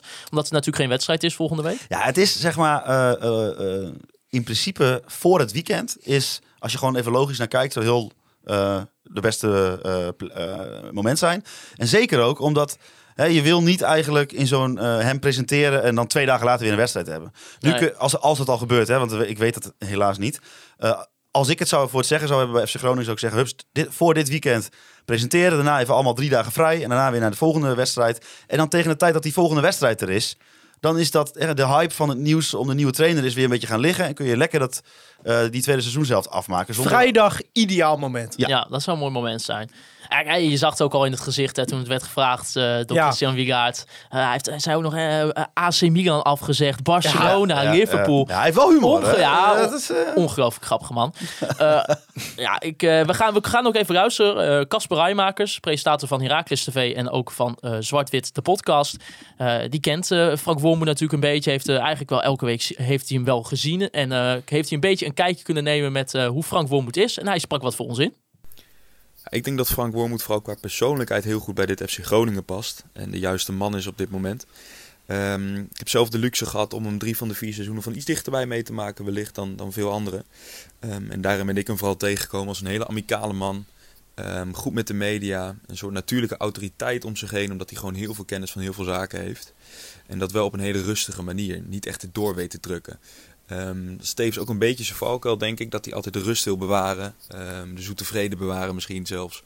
Zou zijn spelers niet zo afvallen in de media. En ja, dat, dat wil nog wel eens op kritiek, kritiek opleveren van de achterban. Ehm, omdat ja, je mag je spelers ook wel eens gewoon een schop onder de kont geven. Eh, ik denk zeker gezien de belangen bij FC Groningen die toch wel iets groter acht dan bij Heracles Almelo. En ook meer media-aandacht. Dat, dat dat wellicht nog wel een valkuil kan zijn. Qua spel is het denk ik echt wel anders dan, dan Danny Buis. Beide staan wel voor een hoge intensiteit. Maar ik denk dat Wormoed iets meer van hoog druk zetten houdt. De helft van de tegenstander. Dat doet hij dan vaak in de 4-4-2 formatie. En dan switch je naar 4-3-3 in het offensieve. Maar zelf zegt hij ook altijd wel dat nou, pak een beetje 15 van de 18 clubs in de Eredivisie gewoon globaal gezien dezelfde spelopvattingen hebben. En dat het vooral inderdaad om intensiteit gaat en eh, individuele kwaliteit. Ehm, en uiteindelijk is een trainer in de Eredivisie denk ik zo goed als zijn materiaal. Ehm, ik ben heel benieuwd naar deze samenwerking. Eh, we gaan het nu echt meemaken, Mark-Jan Verderes en Frank Wormoed. Misschien een zwaktebod dat hij teruggrijpt op een trainer die hij eerder heeft gepresenteerd. Maar ja, die samenwerking was van korte duur. Dus ik ben nu heel benieuwd hoe het gaat uitpakken. Ja, een thema. Dat Ein was het. Geweldig. Ja, eh, nu komt er natuurlijk ook wel een beetje de discussie op gang. Ja, is het de ideale trainer voor FC Groningen? Ik ben bang, eh, tenminste, ik, als ik het met Thijs, dat wij het wel daarover eens zijn als het hebben misschien aan de, de kandidaten die er beschikbaar waren.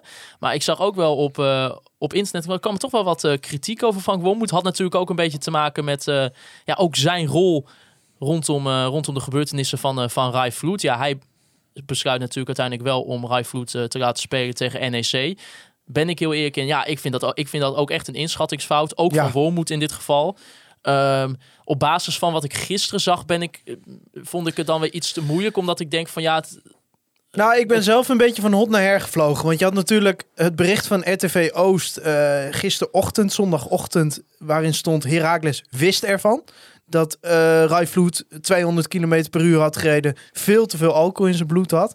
Toen had ik wel zoiets van, oh, maar als Wormoed het dan ook geweten heeft en dan willens en wetens hem opgesteld heeft, dan denk ik wel van ja, dat is wel iets wat, wat sowieso aan zo iemand kleeft. En waar je denk ik ook best bij mag afvragen van ja, iemand die kennelijk zo over dat soort zaken denkt, moet je dat binnen je club willen? Ik snapte die gedachte. Eh, maar ik moet wel zeggen, toen ik hem daarover hoorde praten. En eh, ja, wij krijgen natuurlijk via Casper best wel mee wat voor persoon het is. Omdat Casper hem ook al veel meemaakt. Hij is gewoon heel beschermend over zijn spelers. Ja. Altijd. Hij zegt ook: Ik behandel ze als kinderen. Maar hij zegt daarna: Als ik had geweten wat de details waren, dus van de snelheid en het alcoholgebruik, had ik hem niet gebruikt. Ja, ik geloof hem wel als hij dat zegt. Ik heb wel zoiets van: Ja, Ben je dan in dit geval niet heel naïef geweest door Rai Vloedmaar te geloven? Eh, ja, misschien wel. Maar is dat iets waarvan je zou zeggen, nou ja, dat staat een aanstelling in de weg? Ja. Dat vraag ik me af. Nou ja, dat Weet is- je, hij geeft zelf toe, Heracles, eh, ja, die zijn nu ook behoorlijk door het stof aan het gaan. Dat ze zeggen van, we hebben hier echt grote fouten gemaakt. Ja, op een gegeven moment moet je dan denk ik ook zeggen van, als het oprecht voelt, en dat heb ik bij Wormoed zeker wel dat het oprecht is, dat je dan moet zeggen van, oké, hij heeft een grove inschattingsfout gemaakt, maar ja, om hem daarom nou niet aan te nemen, weet je, hij heeft zelf dat ongeluk niet veroorzaakt. Het is gewoon hè? ongelooflijk lastig, omdat zeg maar, eh, wat daar gebeurd is met Vloed, wat hij heeft eh, aangericht, dat raakt zeg maar, mensen. En niet zo'n klein beetje ook. Dat doet gewoon heel veel pijn. Eh, andere, sommige mensen krijgen weer herinneringen aan hun eigen ervaringen. Eh, het is een kind, ja, dat maakt het ook gevoelsmatig heel erg. Alleen, ja, ik snap, het is wel heel, eh, eh, dan even eh, hard om te zeggen, maar Wormoed is niet de dader. Wormoed heeft niets verkeerd Nee, maar als hij dat had geweten en dan toch voor zijn zeker. eigen belang had gekozen van laat maar spelen, want hij is mijn beste speler, dan denk ik ja. Ja, nee, dat een is trainer is een boegbeeld. Kijk, je moet de rol niet overschatten. Zijn rol in dit verhaal ook niet. Hij is uiteindelijk ook maar een schakel in het hele verhaal. Eh, maar het is wel een boegbeeld van de club. En ja, ja, nee, maar dat bedoel Stel je niet. zou, nadat dat bekend was, zou je deze week bekendmaken. Wormoed is de nieuwe trainer. Dan zeg je eigenlijk als club, kijk, je meent het niet, maar je zegt als club, wij staan achter hoe hij met die situatie omgaat. Ja. En dan ja, trek je dat wel naar je toe. Dus eh, ik denk wel dat ze Ja, het erover het- gehad ik, ik hebben. vind ook, je trekt het wel naar je toe. Ik vind niet per se dat je daarmee gaat zien van, oh, daar staan we echt per se Nee, achter. Maar je, nee, het- maar- maar je, krijgt moet, het, is allemaal beeldvorming, Ja. hè Maarten? Ja, dat weet jij net zo goed Ja. als ik. Eh, en en het, het is gewoon een hele lastige kwestie. Ik heb zelf er ook over nagedacht. Van, ja, aan de ene kant, weet je, het mag ook geen geheim zijn. Ik ben ontzettend blij dat hij de nieuwe trainer wordt. Ik denk echt Hey, ho, ho. dat, dat De hij... inkt is nog niet droog. Ik denk, nou, ik ga er gewoon vanuit. Stel, nou, dan zeg ik, stel hij wordt het. Ik denk echt dat dit echt een topkeuze is. Ja. En dat is mijn gevoel op basis van wat ik van Casper hoor. Op basis van dat in Almelo iedereen ervan balt dat hij weggaat. Ja, maar En op basis van wat je gewoon ziet in het voetbal, wat hij op de mat legt. Het is dit seizoen wat minder, maar ze hebben het ook allemaal niet mee met de resultaten. Ze hebben geen hele beste ploeg. Ik, ik denk echt dat, dat hij een trainer is waarmee Groningen eh, ja, voetballend de stappen kan gaan maken. ja, ik En, denk het en, ook. maar dat mag niet in het oordeel meewegen dat als hij hier echt zo'n grote rol in had gehad van hij heeft hem bij de selectie gehad en willens en wetens gebruikt, Nee, dat is dan had je de vraagtekens bij mogen absoluut, zetten. Maar absoluut.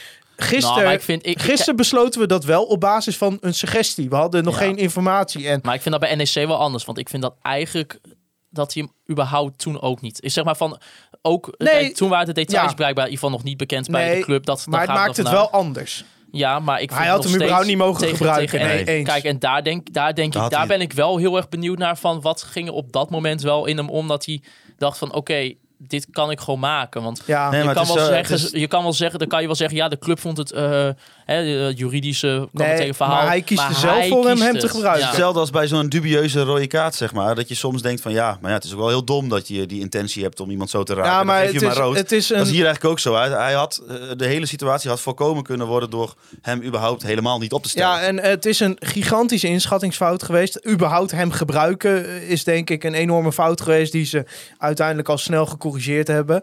Eh, maar ja, ze hebben die fout wel gemaakt. Maar ja, is dat een reden om iemand als trainer dan maar niet aan te nemen? Dat is de discussie. En het voelt heel wrang, omdat je hier met een kwestie te maken hebt... die best wel heel gevoelig ligt. Nou, en terecht. En terecht, want wat Rai Vloed heeft gedaan, dat is gewoon een lul. Dat is echt een ontzettende lul. En dan ben je nog aardig. Ja. En, eh, maar ja, Frank Wormoed, eh, ja, die, die is er toch betrokken bij geraakt. En die heeft op een manier gehandeld wat ik niet chic vind. Nou, ik vind het gewoon fout. Klaar. Ja, denk je, eh, dan druk ik mij Ja. lichtzinnig uit. Het is gewoon fout om Ja. hem te gebruiken. Maar Maar ja, kan je inderdaad... ik je weet niet, ik vind dat je er niet eh, ten opzichte van hem als trainer bij FC Groningen, dat je daar niet. Ik weeg daar zelf dan niet zo zwaar aan. Ik snap wel dat dat sentiment bestaat en ik wil het ook niet bagatelliseren wat hij gedaan heeft. Nee, maar Maar snap je wat ik bedoel? Ja, Ik- volgens ja. mij komt dit allemaal een beetje Nee, nee, maar... slecht ja, over wat ik nee, nu zeg. nee, allemaal, ja, maar- nee, maar ja, het is gewoon niet leuk allemaal. Ik vind het moeilijk om me eh, hierover uit te drukken. Ja, maar ja, ik bedoel, we hebben, we- ik weet nog wel dat, dat toen dat gebeurd was met Rijvloed, dat wij wel tegen elkaar zeiden van, poeh, je zult er nu maar een podcast over moeten maken en dit gaan moeten gaan bespreken. Dus Ja. dat is gewoon echt Ja, gewoon eh, een klote Ja, maar je kan om- er ook niet omheen, want hij heeft daar een grote fout gemaakt. Ja, Maar kijk, als we dan toch het hebben over het voetballen. Kijk, we, als je kijkt naar kandidaten die er een beetje werden genoemd. Kees van Wonderen bijvoorbeeld. Hè, was dan eigenlijk de, de grote tegenkandidaat in dit geval misschien wel. Als we het hebben, kijk, natuurlijk, het, we zullen altijd zien hoe het volgend seizoen gaat lopen onder Frank Wormoed. En dat zal misschien zo maar kunnen zijn dat het enorm tegenvalt. Dat kan.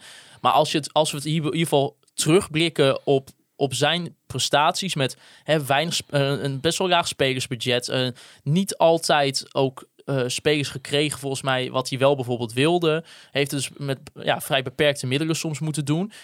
Eh goede resultaten gehaald. Ehm, wat Mark-Jan Verderen zo attractief voetbal. Ik vind dat hij dat va- vaak levert. In ieder geval in de wedstrijden dat Heracles dat ik. Het is eigenlijk niet heel vaak saai bij Heracles. En, Nee. ehm, en iemand die gewoon op eredivisieniveau de afgelopen jaren heeft laten zien dat hij kan presteren. En ik denk dan eerlijk gezegd niet, als we het tenminste hebben over het Nederlands be- betaald voetbal, dat er een op papier een betere kandidaat Nee, ik ben het helemaal met je eens. En ik vind ook gewoon, je haalt bakken met ervaring ermee binnen. In Duitsland loopt iedereen met hem weg. Ja. Dus ja, ik, ik, Trainers als Tedesco, eh, Nagelsman hebben allemaal met hem te maken gehad. En hij heeft er allemaal aan bijgedragen aan het succes van die trainers.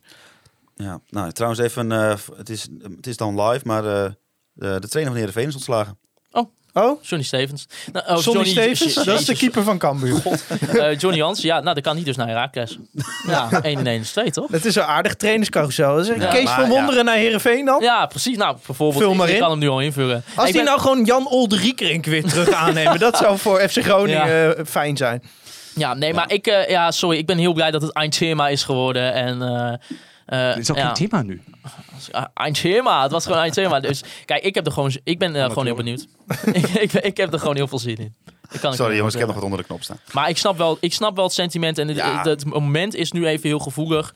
Maar ehm, ja, inderdaad. je- je- ja, ik ben blij is- dat ik de beslissing niet hoef te nemen. Nee, ja, je, het is gewoon inderdaad hoe hoog. ehm, n- Ja, laat je bepalen dat, dat, waar, in, waar je het inderdaad van laat afhangen. Eh, een, een keuze van de trainer. Maar ik, eh, ik ben er in ieder geval. Ik vind het in ieder geval niet eh, per se. eh, in ieder geval met de informatie van nu. Vind ik het niet eh, een reden om hem er gewoon per direct te zeggen: we doen het niet meer. Nee. En als we het hebben over het voetballende gedeelte, denk ik dat hij de beste kandidaat was van de trainers die nu eh, gewoon aanwezig waren voor eventuele opvolging van de Eens. Eens. Nou, dan nog even het laatste, jongens. Want FC Groningen heeft ondertussen ook nog een eh, speler gecontracteerd. Dat is de 19-jarige Emmanuel Matuta van PSV. Eh, begon in de opleiding bij eh, de mooiste club van België, KV Mechelen. En vertrok daar in 2014 dan naar Eindhoven. Eh, als hebben een beetje over zijn recente ervaring... heeft hij de afgelopen twee seizoenen in de keukenkampioen-divisie gespeeld. Ehm, dit seizoen wat minder dan het seizoen daarvoor. Eh, dit seizoen speelde hij 18 wedstrijden voor Jong PSV... waarvan eh acht keer in de basis. Maar op dit moment is hij dus niet meer echt de eerste keuze onder trainer Ruud van Nistelrooy. Het seizoen daarvoor was dat wel wat meer. 25 basisplaatsen in 31 wedstrijden. En ja, Matuta wordt eigenlijk wel een beetje omschreven als het type Matusiwa. Een speler waarvan we moeten verwachten dat hij de duels eh, gaat winnen. Eh, wel jong, maar wel eh, voor 4,5 jaar getekend bij FC Groningen. En eigenlijk, ja, want zijn contract liep nog door hè, tot 2023 in de dus zomer. Ontbonden kennelijk. Dus eh, die- dat is inderdaad ontbonden. Hij is Ja. transfervrij naar Groningen. Als je het een beetje mocht, mocht lezen, heeft PSV, wat je ook wel dan een beetje in dat geval kan verwachten, denk ik, een doop, doorverkooppercentage afgedwongen. En, Maar het is natuurlijk wel een beetje interessant. Kijk, hij, hij komt nu. Eh, wordt gezegd type Matusiwa. Maar dat, dat werd bij Bogarde toch ook wel een beetje genoemd. Of zeg maar van ja, eh, zijn niet een beetje de tweezelfde spelers? Ja, maar dat dit is de vraag, natuurlijk hè? langer termijn. Bogarde ligt in principe tot de zomer vast. Eh, ja, ze hebben wel al de intentie aangegeven om wel langer met hem door te gaan. Eh, nou ja, dat moet Hoffenheim ook maar net willen. Dat moet Bogarde zelf ook maar net willen. Eh, je haalt hier gewoon ja, voor niks een, een, ja, een doorverkooppercentage. Haal je een speler binnen die er best wel goed op staat. Eh, ik heb een beetje rondgevraagd bij PSV. Zijn echt mensen echt wel enthousiast over hem. Eh, ik denk dat je moet oppassen dat je niet bij elke aankoop meteen moet denken, die moet meteen in Groningen 1 staan. Want ja, weet je, als gewoon in een normaal seizoen, zeg maar, zonder alle shit met Flederis en Buis en, en matige resultaten eromheen. Als je dan leest dat FC Groningen een 19-jarige talentvolle speler van jong PSV voor niks haalt, voor 4,5 jaar, dan zeg je toch gewoon, we zien het wel. Dus ja, moet je het er meteen over gaan hebben wat zijn rol in het elfte wordt? Ik denk het niet, maar het is in ieder geval weer een optie erbij Ja. op die verdedigende middenvelderpositie. Ja, en als hij onder Buis of onder Wormoed hierna ja, echt kan gaan groeien, dan heb je ja, voor niets een goede speler. Ja, plus Goed voor- gedaan van Mark-Jan Vladeris. Nou, dat denk ik wel. Ja. Nou, we hoeven nu niet bij elke transfer te benadrukken dat Mark-Jan Vladeris het zo goed heeft gedaan. Maar ja, ik, ik weet niet. Ik vind het... Nou, er weet zit je, gewoon je- niet, er zitten niet ja, maar je moet een beetje eh, oppassen dat je nu weer gaat denken... ach, nou, weer een 19-jarige speler. Ja, want in Ja. principe gewoon zonder context naar deze transfer kijken... is het gewoon prima, toch? Ja, en kijk, wat, wel, wat bij hem misschien ook wel bijvoorbeeld wel een voordeel is, is dat hij wel op eh nou, keukenkampioen divisie wel gewoon veel wedstrijden tot nu toe heeft gespeeld. Eh, tegen volwassen jongens ook daarmee. Dus eh, in, in een jong team. En het is niet, eh, zeg maar, bij bal. Kijk, jong Ajax doet het vaak eigenlijk wel goed. ook mede omdat ze soms spelers kunnen gebruiken. Nog die deels bij de eerste selectie zitten. Maar een spelen in een jong ploeg is in de keukenkampioen divisie niet altijd even makkelijk in een seizoen. Je ziet soms ook wel dat ploegen dan best wel lastig hebben. Een lange periode. En dat veel wordt verloren. Ja, dan, dan weet je, daar groei je wel van. Dus ja, ik ben gewoon benieuwd hoe, in hoeverre hij verschilt van Bogarde. Ik denk dat Bogarde is volgens mij iets meer wat multifunctioneel inzetbaar vergeleken met, eh, met Matuta. Eh, en ja, als je het zo mag horen, heeft Matuta ook wel eh, een beetje dat duelkracht wat je wel mist binnen Ja, maar hoe meer opties, hoe beter toch? Ja, ze Daarom. hoeven elkaar niet per se in de weg te lopen. Ik bedoel, Duarte ja, is soms wel met zijn fitheid nog een beetje lastig. Nou, je ziet het nu een wedstrijd door de week. En dan wordt het in het weekend alweer lastig om echt drie wedstrijden per week te spelen. Ja, dan is het fijn als je daarachter een, een nog wat jongere speler hebt die zo'n positie kan opvullen. Dat is eigenlijk wat je als je naar een selectieopbouw kijkt wat je wil. Ja, nou bijvoorbeeld Marco... Oh, dat viel het woord voor het eerst, deze podcast. Het, het wordt selectieopbouw. Ja, Ja. kijk, het is natuurlijk wel raar dat hij zegt dat Soeslof de beste zes is. Nou, Soeslof staat inmiddels niet meer op zes. En eh, we hebben nu twee spelers gehad en die spelen allebei op zes. Dus Nou, dat, ja, dat was iets wat Mart Koops eh, inderdaad ook vroeg via Twitter. Zeggen, ja, is het niet vrij raar inderdaad dat we volgens Frederis geen zes nodig hebben, maar vervolgens wel binnen een korte tijd twee spelers voor die positie worden gehaald. Eh, zoals Frederis Ah, dan zei. Hij zei in de podcast, we missen wel een beetje een box-to-box speler met loopvermogen. En eh, een type Matusiwa die goed is in het duelleren. Alleen, dat, alleen ja, dat is de vraag van... Hij, uh, vindt dan dat we dat op een andere manier kunnen oplossen om eh, het ja, met voetballende middenvelders te spelen. nou ja, eh, ik denk dat we als conclusie moeten trekken dat in de huidige fase, als Vladeris iets over de selectie zegt, dat je dat met een korreltje zout moet nemen. Oké, ja. Ja. Maar dat betekent niet dat hij niet nu, eh, denk ik, twee hele goede keuzes heeft gemaakt. Met een jonge gast die je verlang vastlegt. En iemand die er kennelijk meteen eh, een directe versterking is. Want dat vind ik Bogarde op basis van wat ik nu heb, tot nu toe heb gezien. Ja, en plus weet je, je huurt hem een half jaar. We kunnen zien, eh, of zij kunnen gewoon in ieder geval intern kijken hoe die jongen te werk gaat. En voor hetzelfde geld, eh, wat er straks ook natuurlijk weer aankomt, is onze transferzomer. wat er misschien weggaat of bijkomt, ja. En dan kan je dan weer gaan bespreken of je Bogarde een langere periode nog kan huren van een jaar. Maar, nou ja. Het is, eh, het is wel altijd met dat soort eh, jonge jongens. We hebben er uiteindelijk toch een beetje weinig van ze gezien. Dus het is altijd maar even afwachten. Ja, dat is het. Ja. Het, het is in ieder geval, stel het blijft hierbij, heb je geen speler gehad die er in principe direct staat, zeg maar. Nee. Dus kunnen we er in ieder geval nog even anderhalve week over doen om te kijken of, of het wat is. Ja, toch, eh, toch, geen, eh, geen wedstrijd het Nee, weekend. geen wedstrijd. We spelen pas op, eh, even kijken, op zondag 6 februari de thuiswedstrijd tegen Go Ahead Eagles. Even voor de mensen erbij. die niet snappen waarom. Wat is volgens mij, als ik het goed heb, maar, als je, je mag het ook even zelf opzoeken, is het omdat de FIFA heeft zeg maar ingepland als interland weekend. Ja. En Europa heeft eigenlijk gezegd, dat hoeft niet. Dus de, eh, ja, er worden gewoon geen interlands gespeeld. Nee, maar de competities hadden de mogelijkheid om wel een speelronde eh, te plannen. Ja. Dan mochten ze zelf weten. Bijvoorbeeld België speelt wel volgende week. Maar in Nederland hebben ze gezegd... Ook met het oog op spelers die eh, wel interlands moeten spelen. Bijvoorbeeld eh, spelers uit Zuid-Amerika, eh spelers uit Afrika die meedoen aan de Afrika Cup. Laten we deze nog maar even vrij. Het is natuurlijk wel jammer. Dat hadden ze niet kunnen weten dat nu eh, de stadions weer open gaan. Dat we nog anderhalve weken moeten wachten. Maar ja, Ja. het is even niet anders. Maar, en, maar het, Ja, als je geen wedstrijd speelt, dan verlies je ook geen omzet. Nee, en als je eh, in het geval van FC Groningen geen wedstrijd speelt, kun je ook niet verliezen. Oh, Maar dat was de eh, ik negativiteit weer. wil, ik wil, Nee, nog, hoor. ik wil nog één dingetje, omdat het toch, eh, het is toch de, de podcast van de Eindschema ook een Antjema, beetje. ja, Antjema. Eh Stuimig Weertje, die vroeg nog af, ja, welke spelers van Heracles kan Wormoed gerust meenemen? Die keeper? Ja, maar, Nou, die schijnt Eh, naar Salzburg te gaan. ja die, Oh. die, had je misschien De La in de- Torre? die had je misschien in de zomer. Maar ik, De La Torre onhaalbaar, denk ik. ja. Mats Knoester is haalbaar, Ja, contract loopt ja eh, contract uit. loopt- Als ik zeg maar even in mijn glazen bol kijk, en dit is nergens op gebaseerd. Geen lange jas, mannen met een lange- geen, geen wandelgangen, geen mannen met lange jas. Zou ik er niet gek van opkijken als Mats Knoester volgend seizoen een FC Groningen shirt draagt. En dan samen met Wierik en eh, Van Hintem achterin. Ja, een mooie Herakles kick. Zoals het eh, Mark-Jan Vladeris het graag ziet. Ja.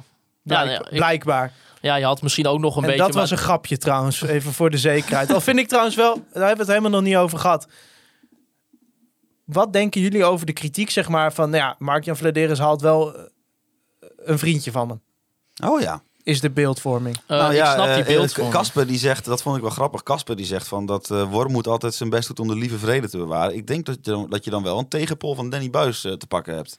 Nou, Danny Buis is wat meer recht door zee. Danny Buis zegt gewoon wat hij denkt, zonder eh, dat, daar zeg maar, niet dat als, als hij zegt van jij doet iets fout, dan zegt hij dat niet omdat hij jou stom vindt, Nou, maar gewoon omdat hij dat echt vindt. En dan zegt wat hij het dat. wel zo is, wat je wel eens hoort, is dat eh Mark-Jan Vladeris niet zo heel goed tegen kritiek kan. Oh, Intern, extern kan hij niet zo goed tegen. En Ja. dat is hem een goed recht eh, om dat eh, te hebben. Ehm, ja, eh, gaat een nieuwe trainer. Want Wormoed staat nou niet echt bekend als een trainer die geen kritiek op zijn technisch directeur heeft. Ik bedoel, die heeft Gielissen er ook wel eens van langs gegeven. maar ja, Dus ja, hoe gaat dat dan lopen? Ik denk- is op zoek naar de twee-eenheid, hè?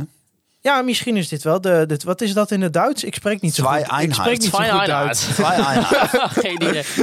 Nee, ik, ik, snap, ik snap enigszins licht de, de beeldvorming, maar ik vind, hem gewoon per- ik vind hem gewoon echt de beste kandidaat op papier. Dus ik, ja, dan, en Ja, dat- en dat laten we nou ook niet doen alsof is. de aanstelling van Wormoed bij Heracles eh, verlopen is omdat het een vriendje van Mark-Jan Vladeris was. Die heeft toen een sollicitatieronde gehouden en Wormoed hadden ze helemaal niet zo bij stilgestaan.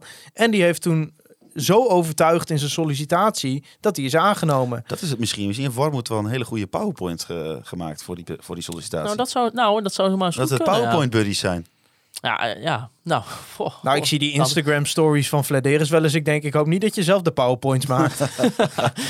Nee, oké. ja, nou, Schots en scheef de tekst overal. Ja, nou ja, Instagram, maar Instagram is een heel ander eh, spelletje thuis. Zou Vladeris het nog aandurven om weer te gaan teasen rond Transfer Deadline Day? Of zou die met de kritiek die er toch wel op hem is Ah, nu iets, nee, dat moet hij gewoon blijven doen hoor. ja, iets zeker, hebben van... eh, ik denk niet dat er nog een laptop tweet in zit. Nee, maar, denk, nee, maar eh, dat is een beetje. Je moet niet, je moet niet weer hetzelfde gaan doen. Maar, is een eh, jonge directeur. Er is nog genoeg te ontwikkelen. Maar je moet niet dat soort dingen meteen nu al Nou, uit, uit je, uit je ik zou, karakter het, ik zou het wel heel leuk vinden. Ja, dit bedenk ik nu van. Het, omdat toch het PowerPoint-verhaal. dat kleeft toch een beetje aan hem. hè. Mark-Jan Verdis is altijd Ja. van, de, van de goede PowerPoints. Ja, hebben daar, komt hij, daar komt hij nooit meer vanaf. Nee, daar komt hij nooit meer vanaf. Ja, behalve dat. Ja, Jurgen Strand vond dan wel dat het wat beter kon. Maar Ja, Ik vond ook dat eh, Jurgen Stad Larsen wat beter aan de bal kon precies. Dus eh, spelen. die neem Dus- ik op. Kijk, en wat kan Jurgen Strand met PowerPoint? Weet je wel, dat weet ik ook niet. Maar Je kan heel goed sjoelen. ja, die kan wel heel goed shooten inderdaad. Kijk, het zou wel heel leuk zijn als, als Mark-Jan Verderes een screenshot online gooit van, van een PowerPoint waarmee hij bezig is. En dan expres, eh, zeg maar voor de grap, allemaal hele lelijke kleurtjes en lettertypes heeft Ja. van